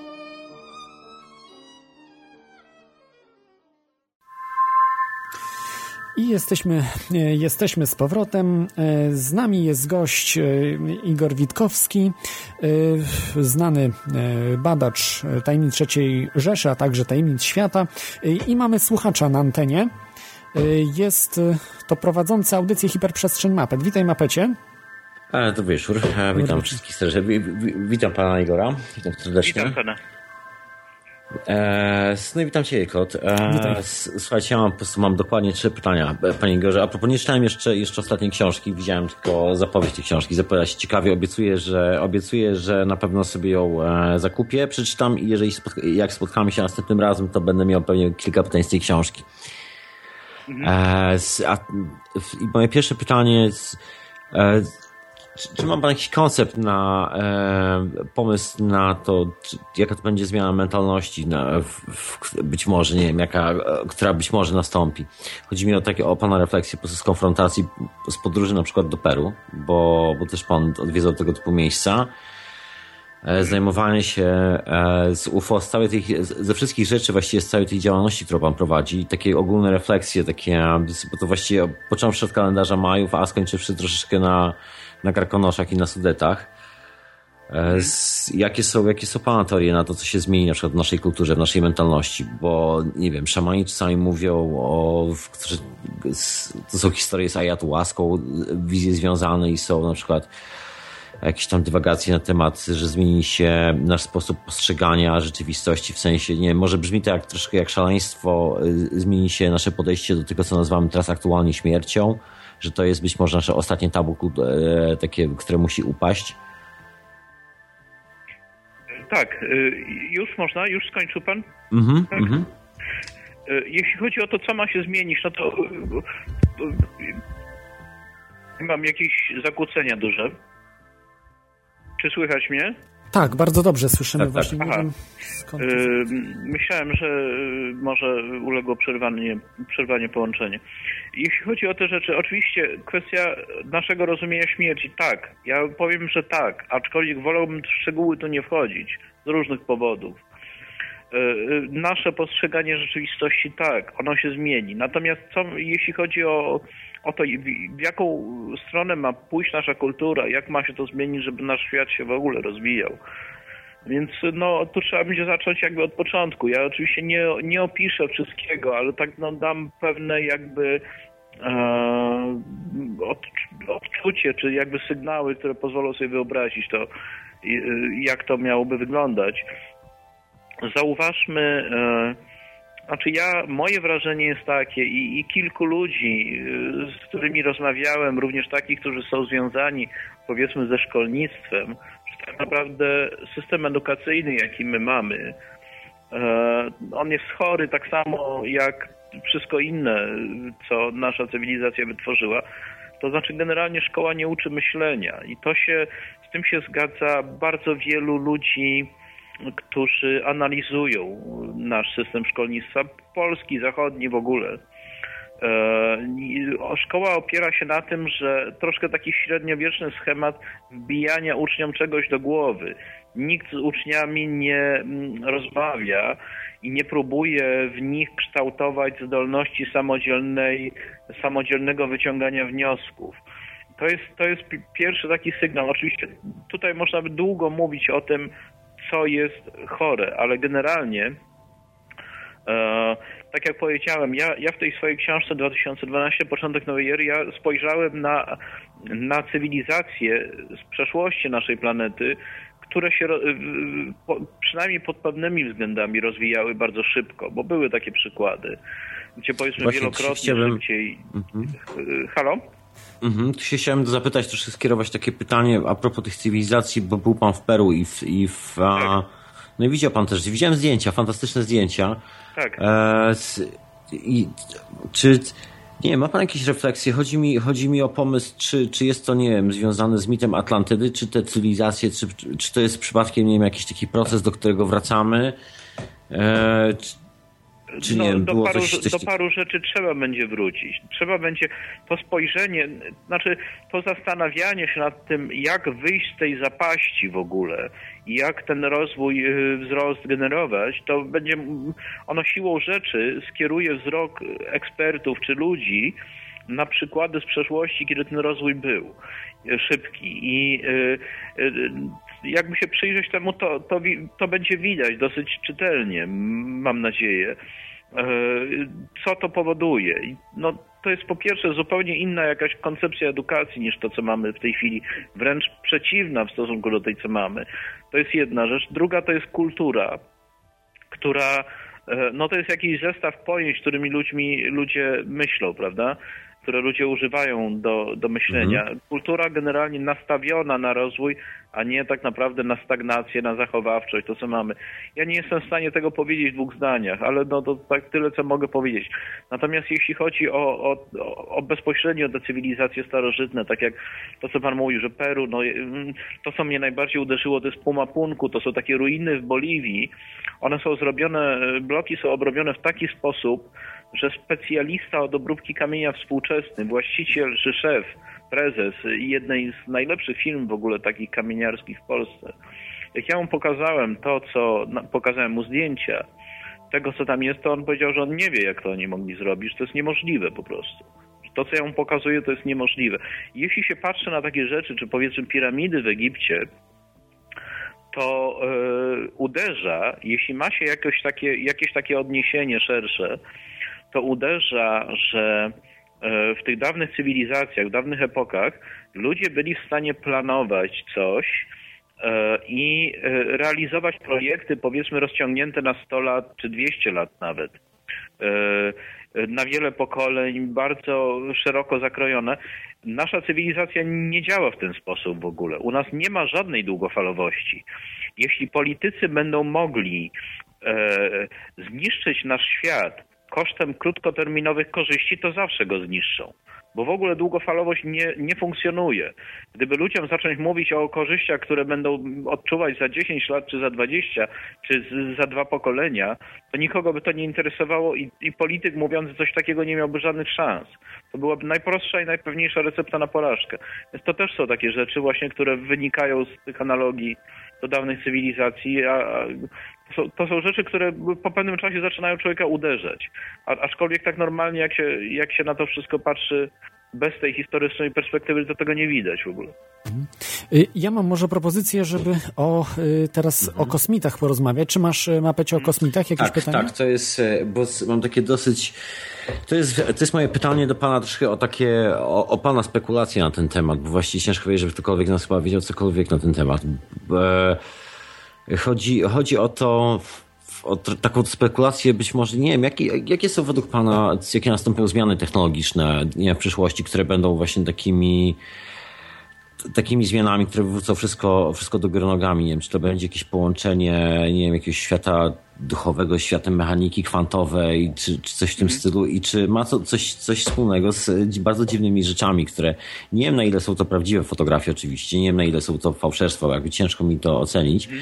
ale są bardzo ciekawe zdjęcia e, dziwnych, dziwnych obiektów e, w okolicy Słońca. Nie wiem, czy pan widział te rzeczy. Koło Merkurego to widziałem. To, też, te, też.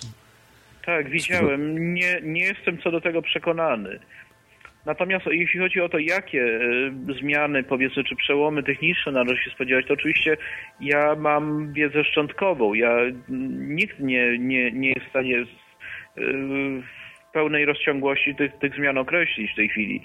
Natomiast to, co mogę powiedzieć, co albo wiem z pewnych źródeł, które znam, albo E, są to rzeczy, które już się manifestują jakimiś symptomami. To jest to kilka rzeczy. Pierwsza rzecz e, to odnośnie tej grawitacji i odnośnie tej bezwładności, o której mówiliśmy, że to wywróci nasze rozumienie tego aspektu fizyki to znaczy generalnie do, dojdzie do unifikacji grawitacji z fizyką kwantową. Będzie grawitacja kwantowa i to będzie opis zupełnie inny niż wynikałby z teorii Einsteina. To znaczy w jakimś zakresie on będzie spójny, aczkolwiek no to będzie zmiana tego rodzaju, jak powiedzmy teoria Einsteina była, różniła się od teorii Newtona i to. Y, spowoduje no, szeroko, daleko idące konsekwencje, bo po prostu umożliwi nam wyjście w kosmos i tym samym pozwoli nam zrozumienie, czym ten, czym ten kosmos jest tak naprawdę. To będzie troszkę inne rozumienie niż, niż ludziom się dzisiaj wydaje. To jest pierwsza rzecz. Druga rzecz, no to jest, y, to są różne biotechnologie, które doprowadzą generalnie no, y, do jakby przyspieszenia ewolucji człowieka w ogóle. E, trzecia rzecz to są to, jest, to, to są rzeczy wynikające z inżynierii materiałowej. Na przykład Rosjanie kiedyś znaleźli jakiś obiekt w Dalnogorsku, mhm który jak się okazało później, bo oni próbki, które pozyskali, oni przesłali do dziesięciu różnych instytucji naukowych, utajnili sprawę, ale to tylko w tym celu, żeby te instytucje nie konsultowały ze sobą badań. I tam wyszła taka bardzo ciekawa rzecz, mianowicie to było coś w rodzaju takiego kompozytu, znaczy kompozyt to jest powiedzmy włókno ile piszcze typu żywica, no samoloty się robi z kompozytu w tej chwili. Mhm. E, tylko on się składał e, nie z normalnych włókien węglowych, tylko z rureczek węglowych, takich nanorurek e, i w tych nanorurkach były określone jony. I w zależności od częstotliwości przyłożonego prądu, pola, temperatury i tak to taki materiał, jak się okazało, i w tej chwili już do tego y, naukowcy są w stanie dotrzeć, dojść samodzielnie, tylko że jeszcze na bardzo niewielką skalę. Okazało się, że te, tego rodzaju materiał ma fenomenalne, fantastyczne, wręcz magiczne właściwości. On potrafi na przykład zniknąć w pewnych warunkach. Więc to jest, to, to wydaje mi się, że to są takie trzy, trzy dziedziny, ale, ale generalnie no przede wszystkim y, y, rozumienie miejsca naszej cywilizacji w kosmosie się zmieni. To ja miałbym e, pytanie właśnie już tak bardziej konkretnie o e, kosmitów i te cywilizacje pozaziemskie, bo e, także Pan pisał o nich, o, o tym, że dookoła Ziemi jest mnóstwo właśnie różnych cywilizacji, które odwiedzały nas w przeszłości, by, odwiedzają i właśnie często zdarza się, że obserwujemy, prawda, te obiekty UFO, zresztą sam też obserwowałem i takie właśnie mam pytanie. Jak pan widzi ten problem UFO? Mm, może zacznę tak, od ujawnienia, bo wiem, y, wiadomo jest, że rządy wiedzą więcej niż zwykły, zwykli ludzie, nawet dzisiaj wiedzą naprawdę bardzo dużo, ujawniają bardzo niewiele. Czy dojdzie do czegoś takiego, że to wyjdzie od rządów, od yy, czy amerykańskiego rządu, bo nie mówię, że polski akurat wie, ale brytyjskiego, francuskiego, bardziej poważnych, prawda, krajów y, Stanów Zjednoczonych, Rosji. Czy czy będzie coś takiego właśnie jak to disclosure y, na temat, na temat UFO? Nie wydaje mi się prawdopodobne, żeby rządy były zainteresowane ujawnieniem tego rodzaju informacji, dlatego że e, gdyby oczywiście pokazać w telewizji, prawda, zdjęcie UFO i powiedzieć, że ono zostało wykonane, no nie wiem, nad Nowym Jorkiem na przykład, prawda? Nie będzie to miało żadnego wpływu na ludzi, bo, bo już wiele takich zdjęć widziano czy nawet jeśli, jeśli zrobiono by tak trzy razy, to też nie będzie miało żadnego wpływu. Aczkolwiek, jeśli by rzeczywiście mm, do świadomości publicznej przedostał się szeroki zestaw informacji na, te, na ten temat, to yy, ja nie będę w stanie w tej chwili tego uzasadnić w dwóch zdaniach, aczkolwiek w książce to uzasadniłem dosyć mocno. Mianowicie, gdyby coś takiego miało miejsce, to doszłoby do całkowitego załamania naszej kultury, bo kultura to jest coś, nasza kultura zachodnia, współczesna, to jest coś bardzo dziwnego, co tak naprawdę nie ma żadnego logicznego uzasadnienia w takim kształcie, jakim ona jest. E, bo nie realizuje żadnych e, sensownych celów w ogóle. Ona jest nastawiona na stwarzanie prostej, prostej satysfakcji, zadowolenia chwilowego i tak dalej, kosztem wszystkiego innego, poznania, prawdy, wszystkiego. I e, to, to jest rzecz to patologiczna troszkę taka kultura, która steruje tą, tą cywilizacją, która wytworzyła te mechanizmy autodestrukcji. To jest jej, ich źródło. E, I e, szersze ujawnienie tego, tego rodzaju informacji ja to wiem, bo znam to z określonych przykładów ludzi określonych. E, to spowodowałoby, że nasza kultura rozleciałaby się w pył, ona przestałaby istnieć. To trudno jest może wytłumaczyć, aczkolwiek no, dosyć dobrą analogią, może taką czytelną, byłoby że prawda, wyobrażamy sobie, jak istniał, jak funkcjonowało średniowiecze. Ono funkcjonowało znacznie mniej ciekawie niż to widać na filmach fabularnych. Bo na filmach fabularnych to są współcześni ludzie operujący współczesnymi pojęciami i tak naprawdę podobnie na twarzach wyglądający. Nie, to różnice były bardzo duże w stosunku do naszych czasów, tak mhm. naprawdę. A czy widzi... I, i, tym ludziom ze średniowiecza wydawało się, że ten ich świat jest niewzruszony, pewny jak opoka, zawsze taki był i przez następne setki lat taki będzie. I tak było, że przez setki lat jeszcze taki był. Ale gdybyśmy tam się przedostali do tej epoki i przedstawili im szeroki zestaw informacji, na temat innych cywilizacji, nawet innych cywilizacji ziemskich. To po prostu to wszystko, co oni sobie wyobrażali, że jest wokół nich, to przestałoby tak naprawdę istnieć. Więc to jest na tej zasadzie. Kultura by się załamała yy, i w związku z tym nastąpiłoby, przyczyniłoby się to do, do załamania społecznego i według mnie to nastąpi nieuchronnie, dlatego że trzeba tak zrobić, żeby mogło powstać nowe. I ja muszę powiedzieć, jeśli mogę jeszcze z, z chwilę, że y, tak jak powiedziałem, był u mnie człowiek kościoła, tak go enigmatycznie nazwę, człowiek kościoła dobrze poinformowany, który mi sprezentował książkę pod tytułem Objawienia Maryjne o końcu świata. To, to było dla mnie coś nowego. Ale okazało się, że tam są rzeczy, y, które Yy, jakby potwierdzają wszystko to, co, o czym ja mówiłem, napisałem w tej książce 2012 Początek Nowej Ery, które, która jednak nie była oparta na źródłach religijnych, a tu mamy źródło religijne, które mówi o tym samym. To znaczy, tam ja przeczytałem, tam jest napisane, że generalnie po II wojnie światowej w objawieniach pojawiły się elementy nowe, yy, mówiące o załamaniu Kościoła i w ogóle naszego systemu wartości. Yy, I tam nawet padło takie stwierdzenie w którymś z objawień, że Kościół y, zostanie ukrzyżowany i zginie na tym krzyżu po to, żeby mógł powstać nowy świat. Więc y, to samo zapowiadali obcy i, to w sumie y, tworzy jakąś taką, taką spójną zapowiedź e, całkowitego rozpadu podstaw kulturowych naszej cywilizacji w ogóle. Tak to wygląda mniej więcej. Ale według mnie to jest konieczne. Dobrze. Jeszcze, Mapecie, miałeś ostatnie pytanie? Chcesz jeszcze jakieś zadać i koniec będzie. E, dokładnie, jeszcze jedno pytanie. E, e, Panie Igorze, bo że tak powiem, odwiedza Pan bardzo ciekawe miejsca, w sensie różne archiwa, różne biblioteki, mhm. gdzie ma Pan do czynienia nie wiem, czy, czy wszystkie dokumenty może Pan publikować, ale podejrzewam, że, ma, że widzi Pan, a tudzież słyszy Pan o dokumentach, o których normalny człowiek w życiu nawet nie podejrzewa, że istnieją takie dokumenty i w ogóle coś takiego istnieje. E, czy mógłby Pan uchylić troszkę rąbka tajemnicy i opowiedzieć o takich najbardziej ciekawych, e, fascynujących dokumentach, na których e, prawdopodobieństwo być może istnienia na przykład się Pan na tą, albo na które się Pan w rzeczywistości natknął? Znaczy, tak, no to, to musiałbym się chwilę zastanowić, żeby, żeby sobie wyszukać w pamięci, co rzeczywiście było takiego porażającego najbardziej, ale no, bardzo ciekawą rzeczą dla mnie, ja tak uważam. To akurat był dokument nie znaleziony przeze mnie, tylko przez człowieka, którego znam. Takiego pana, który się nazywa Henry Stevens. Jego książka się ukazała w Polsce, zresztą ja nie pamiętam pod jakim tytułem w tej chwili.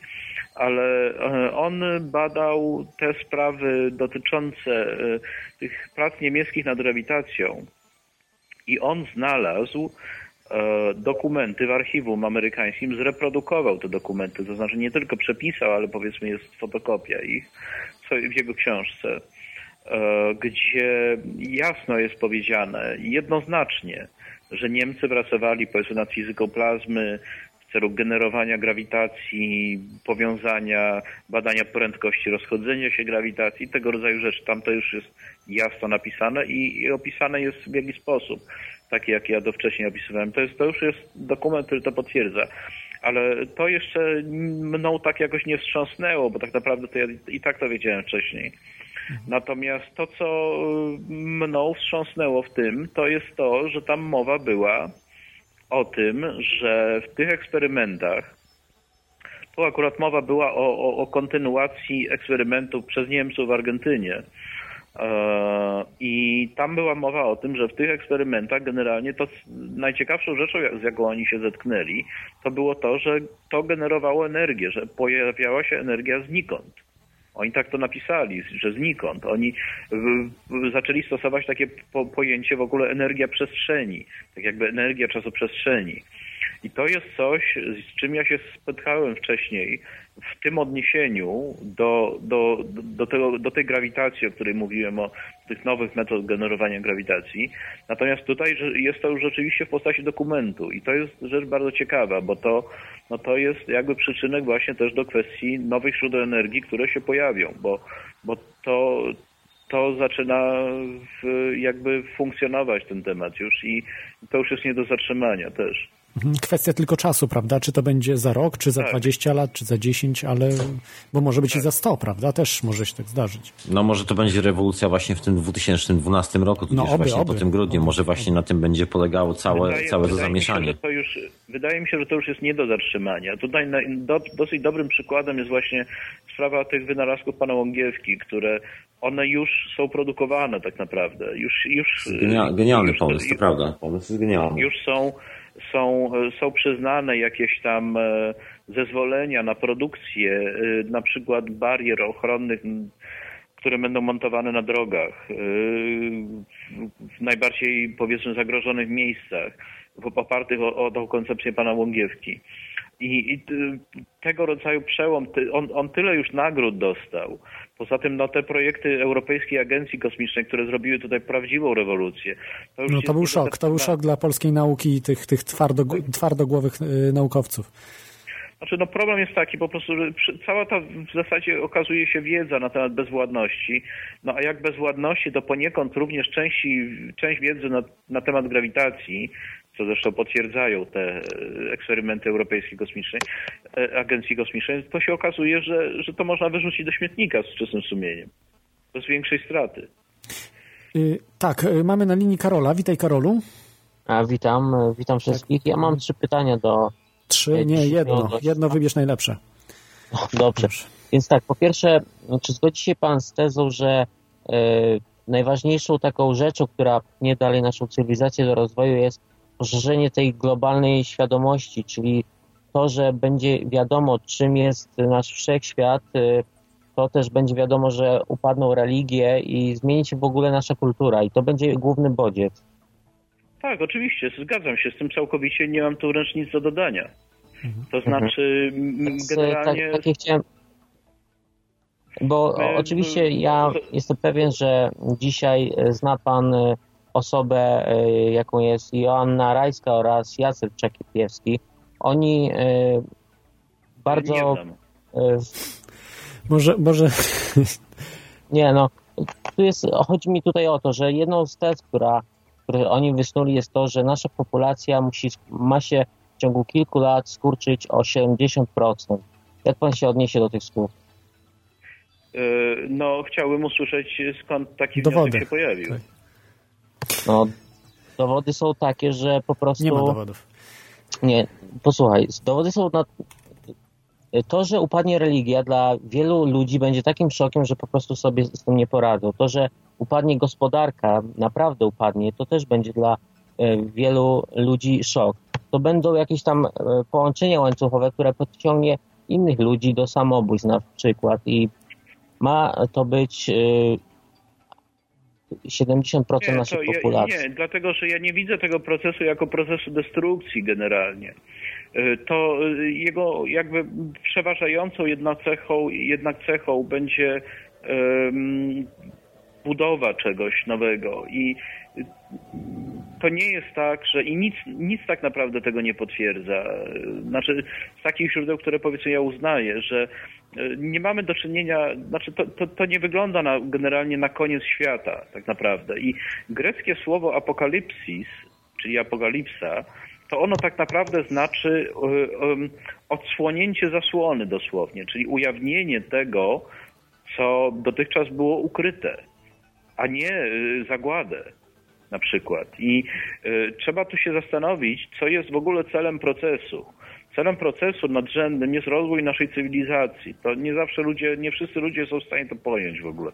Dlaczego akurat tak? Ale, ale tak już wszechświat jest zbudowany jednak. I, To y, nie jest we- tak, że po prostu jeżeli ci najmniej świadomi ludzie, którzy nie są w stanie przyjąć tych nowych wartości, jakim jest na przykład upadek kościoła, czy też nowe wzorce poznania wszechświata, nie są ich w stanie przyjąć, wtedy nasza cywilizacja nie jest w stanie zmienić cokolwiek? To No nie przecież jest tak, dlatego że ujawnienie tych informacji ma mieć charakter taki, żeby ludzie, wprawdzie wierzący, ale skłonni zaakceptować główne kryterium rozwoju cywilizacji, żeby oni jednak byli w stanie to przyjąć, zrozumieć i przestawić się na ten tor. To jest proces dosyć inteligentny. dużo bardziej inteligentny niż to, co my, my ludzie byśmy robili, powiedzmy. I, i to, to, to ma obalić, e, powiedzmy, pewne dogmaty e, i pokazać ludziom, że e, ma być jakiś konstruktywny cel w tym, co oni robią. Natomiast to ma, generalnie chodzi o to, żeby ludziom pomóc wejść na, osiągnąć jakąś tam nową jakość, a nie spowodować masowe fale samobójstw. Nie, to, to ma być proces jednak konstruktywny, tak ja to widzę. Dobrze, dzięki Ci Karolu y, za, za ten telefon. Y, Będziemy już się, y, także trzymaj się. I tutaj jeszcze chciałem na mapecie, tak? Żebyś też się pożegnał, bo jesteś jeszcze? No, To ja dziękuję jeszcze bardzo, Tak, bardzo serdecznie za odpowiedź na pytania. W ogóle bardzo interesujące. I co, no Gonie, jeżeli jeszcze można dać jakieś dwa słowa, jeżeli mógł Pan powiedzieć o tej książce ostatniej, którą Pan um, popełnił 2012, 2012. tak? No to jest Troszkę książka par, parę słów. 2012, początek nowej ery. No trudno mi powiedzieć, Mhm. co, co, znaczy zastanowić, co miałbym powiedzieć, no bo w sumie całą audycję o tym. O tym D- tak, mówimy cały czas, także jak ktoś chce więcej, to najlepiej po prostu zakupić. Może tak, y, Panie Igorze, gdzie można zakupić y, tą książkę? Może, może niekoniecznie od razu zakupić, ale jeśli Mhm. ktoś chce, y, szuka jakichś bliższych informacji o tym, co ja tam opisałem mniej więcej, no to na przykład na YouTubie jest, jest parę ciekawych takich filmików, gdzie, gdzie szerzej opisałem, co konkretnie tam jest. Na przykład jest bardzo... Ludzie, którzy zainteresowani, to sobie znajdą. To jest generalnie książka, to, to jest inne spojrzenie na kryzys naszej cywilizacji. Nie, nie tyle może wizjonerskie czy duchowe, co e, oparte na tym, co rzeczywiście się na świecie już dzieje, no jakby z odniesieniem do tego, co ma się też dziać, ale, ale, ale tu nie ma mowy o powiedzmy o, nie wiem, kolorach, czakrach i tak dalej, jakich wibracjach, tylko raczej o rzeczywistych procesach, tak, tak jak ja to widzę. Tym, tym ta książka się wyróżnia, no tak, może, tak mogę powiedzieć w dwóch słowach. Y, te, te, też można na przykład znaleźć, prawda, informacje o książce i o innych książkach, bo pan napisał, prawda, 50 książek Oczywiście, y, na tak. igorwitkowski.com, prawda, na stronie tam Tak, tak. najlepiej się właśnie chcecie dowiedzieć wszystkiego. Y, Także dzięki Ci Mapecie, będziemy już myślę podsumowywali do końca. E, dziękuję bardzo. Ja również. Także y, ja mam takie na koniec może pytanie. Nie wiem, czy pan będzie chciał odpowiedzieć na nie, e, panie Igorze. Em, y, Czy ma pan kontakty jakieś albo informacje od ludzi, którzy pracują w służbach specjalnych, właśnie tak polskich, jak i zagranicznych? No, oczywiście nie musi pan odpowiadać na to pytanie, jeśli pan nie chce, ale to tak z ciekawości chciałbym się zapytać. Znaczy pod kątem y, zmian zachodzących na świecie? Y, Tak, ogólnie do, do tego właśnie, do tych informacji, y, do których pan dociera, prawda, w tej książce ostatniej, którą pan napisał o roku 2012, bo też zapewne podróżując dużo, prawda, ja, będąc ja nie mam, nie mam jakichkolwiek oznak, żeby u nas, to znaczy w Polsce, żeby ktoś e, podchodził do tego, ja mówię o tego rodzaju instytucjach, e, jako e, tak głębokiego procesu. Nic na to nie wskazuje. To znaczy, ja sobie wyobrażam, że instytucje takie powiedzmy jak MON, czy Biuro Bezpieczeństwa Narodowego, czy inne, że one y, robią różne analizy możliwych rozwojów wypadków, ale nie wyobrażam sobie, żeby, znaczy nic nie wskazuje na to, żeby, żeby oni, żeby oni w tym swojej, tej swojej percepcji obejmowali tak szeroko te sprawy, jak my mówimy o tym. Natomiast y, są takie oznaki w odniesieniu do Stanów Zjednoczonych. To znaczy na przykład y, było bardzo duże ryzyko wybuchu wojny w, we wrześniu zeszłego roku, gdzie miały, miejsc, miały, miały mieć miejsce ataki jądrowe na Stany Zjednoczone, terrorystyczne. To znaczy ładunki generalnie były rozmieszczone z tego co ja wiem. I to znaczy, ja, ja nie mogę z czystym sumieniem powiedzieć, że to udało się udaremnić, bo w zasadzie jest to dosyć tajemnicze, jak to się stało, że nagle ok- okazało się, że cały plan w zasadzie rozpłynął się we mgle. Natomiast y, ciekawostką jest to, że Amerykanie, to znaczy władze amerykańskie, oni zdawali sobie sprawę z tego, że ryzyko jest bardzo duże i że może to, i że to na pewno doprowadzi do załamania w ogóle totalnego Stanów Zjednoczonych. I w związku z tym podejmowano szereg działań przygotowawczych na różne okoliczności. Począwszy od szykowania powiedzmy podziemnych ośrodków rodzenia dla iluś tam tysięcy kobiet w ciąży, skończywszy na y, ustawach, które miały pozwalać na rekwirację, re- rekwizycję ciężarówek, różne tego rodzaju rzeczy, bardzo, bardzo szeroko zakrojone przygotowania. Ale jednym, y, co mnie zaskoczyło nawet, jednym z bo generalnie to trzeba też powiedzieć, że podstawowym scenariuszem y, transformacji przez długi czas była wojna i do tego scenariusza udało się jakby odejść. To jest, to jest rzecz, której ludzie, którą ludzie rzadko wiedzą, ale to było bardzo bliskie.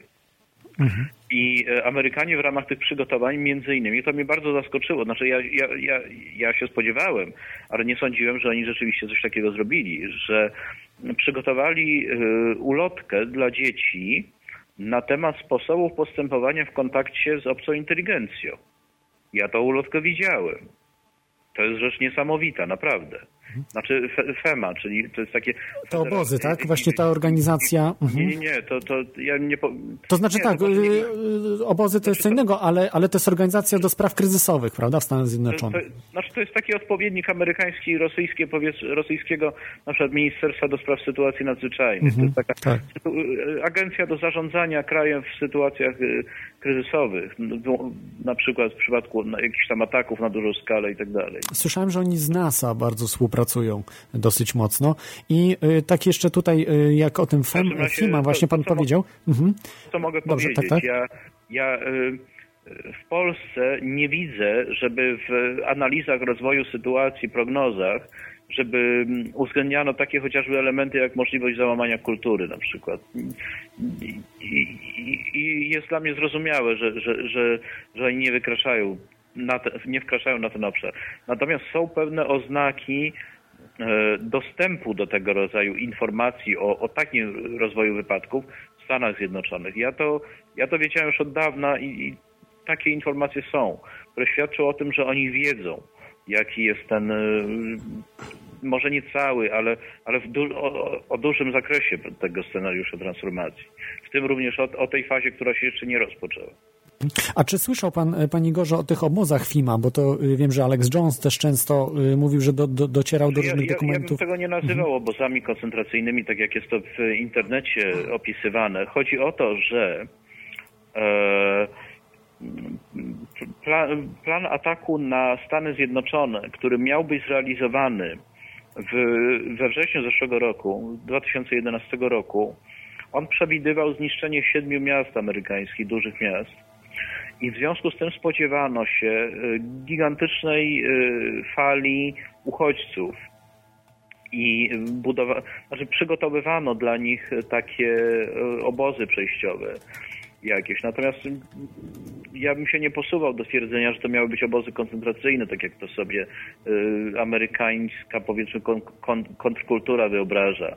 No bo to są, to są już rzeczy troszkę wyssane z palca. Mianowicie, że oni, oni naprawdę się przygotowywali na, na, na bardzo poważny scenariusz i no dobrze, że do tego nie doszło. Mhm.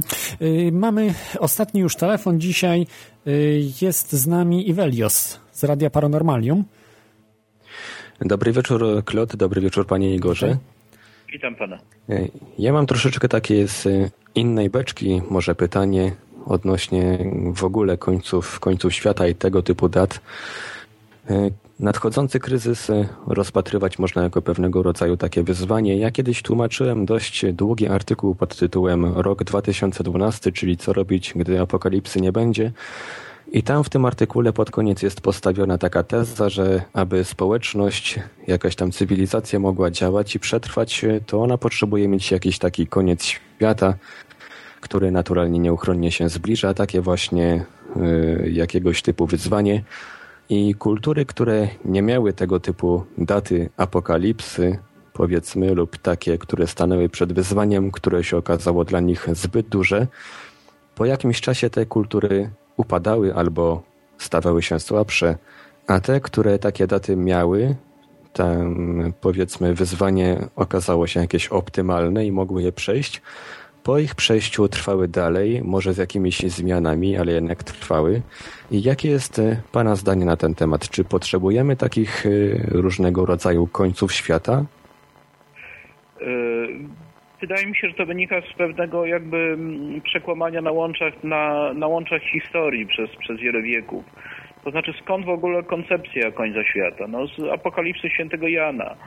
I y, tam y, opis jest tak mętny, że w zasadzie to tak jak z Nostradamusa, można tak naprawdę jakby ktoś chciał wszystko można wyczytać. I y, po prostu ta, ta wersja taka potoczna o końcu świata, jakimś takim fizycznym końcu, to wynika z tego po prostu, że ludzie, którzy się tym fascynowali przez wieki, E, oni tak naprawdę byli jakby ukierunkowani, to znaczy po prostu chcieli widzieć to, co to, co właśnie z tego wyszło, to znaczy taki koniec, bo po prostu innych rzeczy nie, nie byliby w stanie zrozumieć tak naprawdę. Mimo, że ja nie pamiętam, czy w Apokalipsie Świętego Jana, czy, czy w którejś z innych tam powiedzmy księg, ksiąg, jest mowa o tym na przykład, że on pisany z dużej litery, czyli no Zbawiciel czy Chrystus, e, przyjdzie i e, z ust jego wyjdzie ostry miecz, którym będzie razić narody. To można zrozumieć jako y, przekaz informacji również, prawda? Który doprowadzi do porażenia tego świata w takim kształcie, jakim on jest. Ale to tak to my możemy powiedzieć dzisiaj, a nie tysiąc lat temu. Bo ci ludzie po prostu niczego innego by nie byli w stanie pojąć niż, niż taka wizja typu średniowiecznego, prawda? Więc to jest tak. No, trzeba sobie zdać sprawę, że, no, że ludzie nie byliby w stanie 500 czy, czy 100 lat nawet temu pojąć, że, że 100 lat to może nie, no ale generalnie mieliby trudności ze zrozumieniem, że nasza cywilizacja jest pewnym mechanizmem, który się rządzi określonymi prawami. Jej rozwój y, jest określonym problemem, wyzwaniem, celem prawda, tego. E, to jest wizja zupełnie inna niż ta wizja ortodoksyjna, religijna. Przecież, no, y, y, ale, ale tak jak mówię, no ci ludzie by tego nie zrozumieli wtedy. I, i, i dlatego taki prosty scenariusz, prawda, końca świata. No tak, można powiedzieć, że ci ludzie w taki sposób byli ukształtowani, że oczekiwali czegoś, e, że ten koniec świata przyjdzie nagle. Oczekiwali Takie mocne uderzenie. zrozumiałej przede wszystkim. A wchodzenie w, w, tego rodzaju zawiłości tylko by im zamieszało w głowach tak naprawdę i dlatego tak jest. Ale, ale tak naprawdę proces jest bardzo złożony na pewno on już się zaczął, na pewno można powiedzieć, że on nastąpi, ale to jest bardzo skomplikowany proces i... Yy, I nikt nie wie, jak się zakończy. Trzeba pewnego wysiłku, żeby to zrozumieć, żeby powiązać pewne rzeczy ze sobą, ale to jest możliwe, no bo realnie przyjęcie tej mojej książki, ja się bałem, że ona będzie trudna i że może będzie za trudna, ale nie, przyjęcie jest jej dobre i nie ma takiego problemu, że e, ludzie jej nie rozumieją. Także to, to, to można zrozumieć, tylko to po prostu e, wystarczy spojrzeć w inny sposób na tą cywilizację i, i już będzie troszkę, już będzie ten obraz znacznie jaśniejszy. Mhm. To, nie jest kwestia, to nie jest kwestia trudności, jest to kwestia jakby innej optyki. Dobrze. Y. W takim razie pozostaje chyba tylko mieć nadzieję, że to wyzwanie, które mamy teraz przed nami, czyli ten kryzys nadchodzący, nie okaże się na tyle silny, że, że, że nas zniszczy, tak jak te, te różne kultury, o których wspominałem. Dziękuję bardzo. Przechodzę na, na słuch. Dobranoc. Dzięki. Y, y, Panie Gorze, ja mam takie może już zupełnie ostatnie pytanie i będziemy już tak, tak. tak podsumowali. Y, nie wiem, czy komu, y, kto, ktokolwiek panu zadał to pytanie, ale ja mam pytanie o to, czy w pana książce właśnie o tym roku 2012 i tych zmianach są jakieś rozwiązania dla poruszanych przez y, pana problemów? Czy, czy jest co, przepraszam? Ro, rozwiązania, rozwiązania pewnych problemów. Tak, oczywiście. No, to ja wspominałem o tym, gdy jeden ze słuchaczy pytał o to, w którą stronę ta kultura ma zmierzać w ogóle nasza. E, to znaczy, wspomniałem krótko o tym, że e, jak chory jest nasz system edukacji, jak, jak dużo można tu zmienić, ale e, to jest y, oczywiście w którą stronę? No, no generalnie w stronę świadomości. E, już zresztą jak był mm, szczyt lizboński, zdaje się dwa czy trzy lata temu, to już mowa była o tym, oni już, y, jeśli nie, to był taki moment, kiedy oni jeszcze nie czuli noża na gardle i mieli jeszcze jakby pewną swobodę rozważań, bo teraz już nie mają e, politycy i, i wtedy już się pojawiły takie wnioski, że nie może być gospodarka oparta na jakiejś gospodarce wirtualnej, tylko musi być oparte na innowacyjności, kreatywności, to musi coś tworzyć. Ludzie muszą coś tworzyć.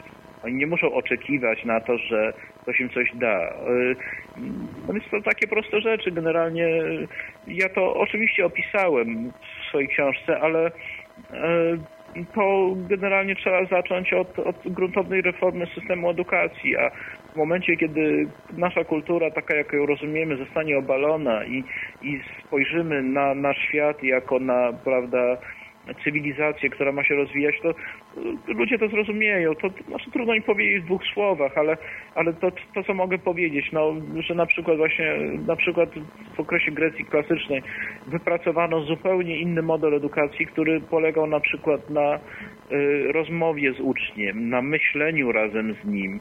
To, jest, to się wydaje drobiazgiem, ale to jest tak inne od naszej szkoły współczesnej, która ładuje ludziom młodym do głów rzeczy, których często sami nauczyciele nie rozumieją, prawda?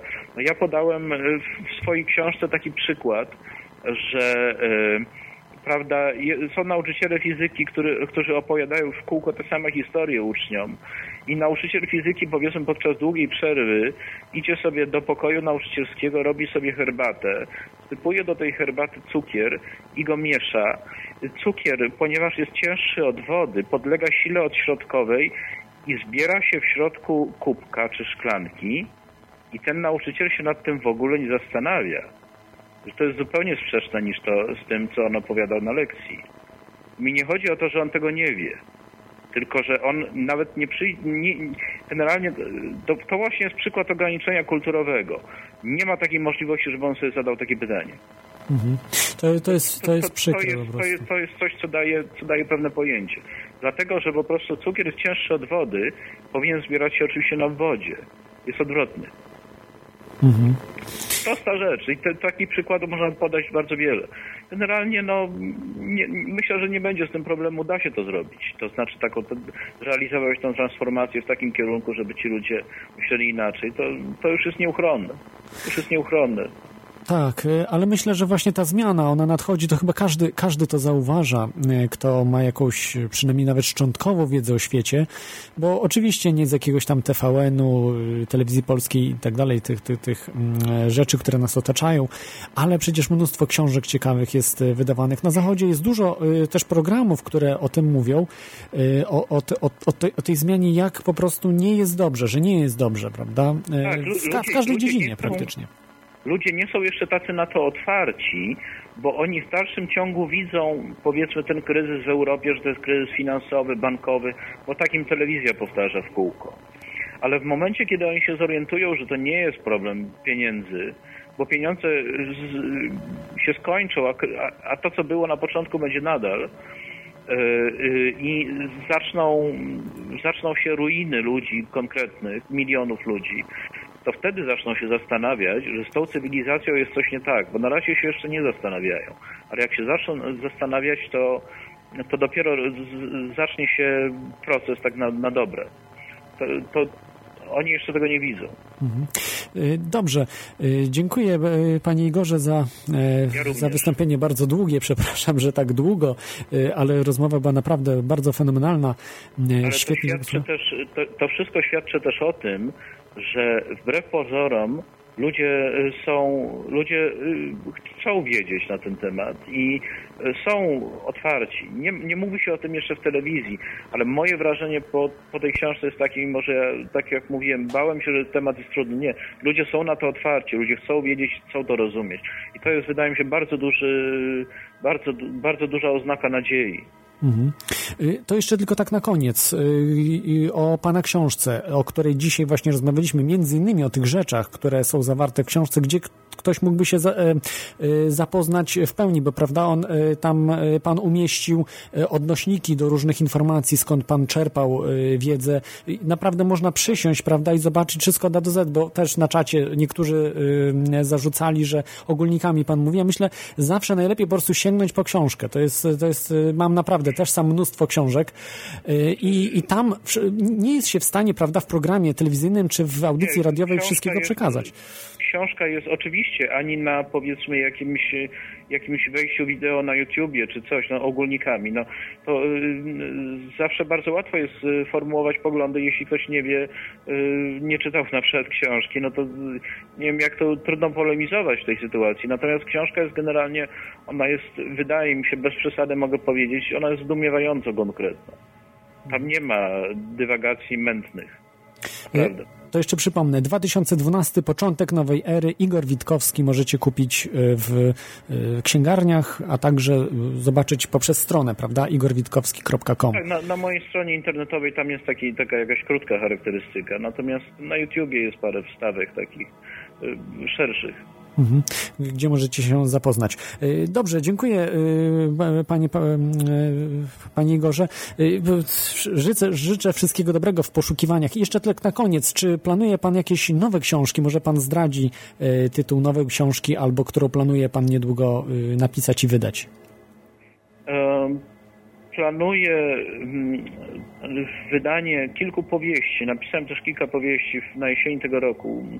Pierwsze dwie to są książki, które już się kiedyś ukazały raz przed, przed wielu laty.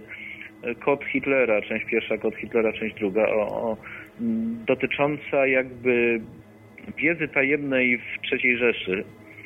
Natomiast trzecia książka pod tytułem, trzecia powieść pod tytułem Siedem spojrzeń na, na srebrną relikwię, to jest też rzecz o rozwoju naszej cywilizacji, jakby odnośnie transformacji. Pokazuje pewne tło historyczne tej transformacji i to jest, to jest powieść, ale dosyć myślę ciekawe i też ma się ukazać Siedem spojrzeń na srebrną relikwię, taki tytuł i też powinna się ukazać na jesieni tego roku, jeśli oczywiście nie będzie jakichś zjawisk typu katastrofy gospodarczej, prawda? E, powinna się ukazać książka taka, która będzie miała tytuł Tajne projekty III Rzeszy i to będzie suplement jakby do mojej książki pod tytułem Nowa Prawda o Wunderwaffe. E, Ciekawe rzeczy dotyczące właśnie tej grawitacji i pod niemieckiego podejścia do grawitacji. Tam jest naprawdę parę ciekawych rzeczy, bo jest to książka w dużym zakresie oparta na dokumentach. Mhm. Także jeszcze raz y, dziękuję panu bardzo serdecznie za y, to wystąpienie i no, życzę wszystkiego dobrego w poszukiwaniach. Ja również pozdrawiam również wszystkich słuchaczy. Dziękuję, dziękuję. Do Dobranoc. widzenia.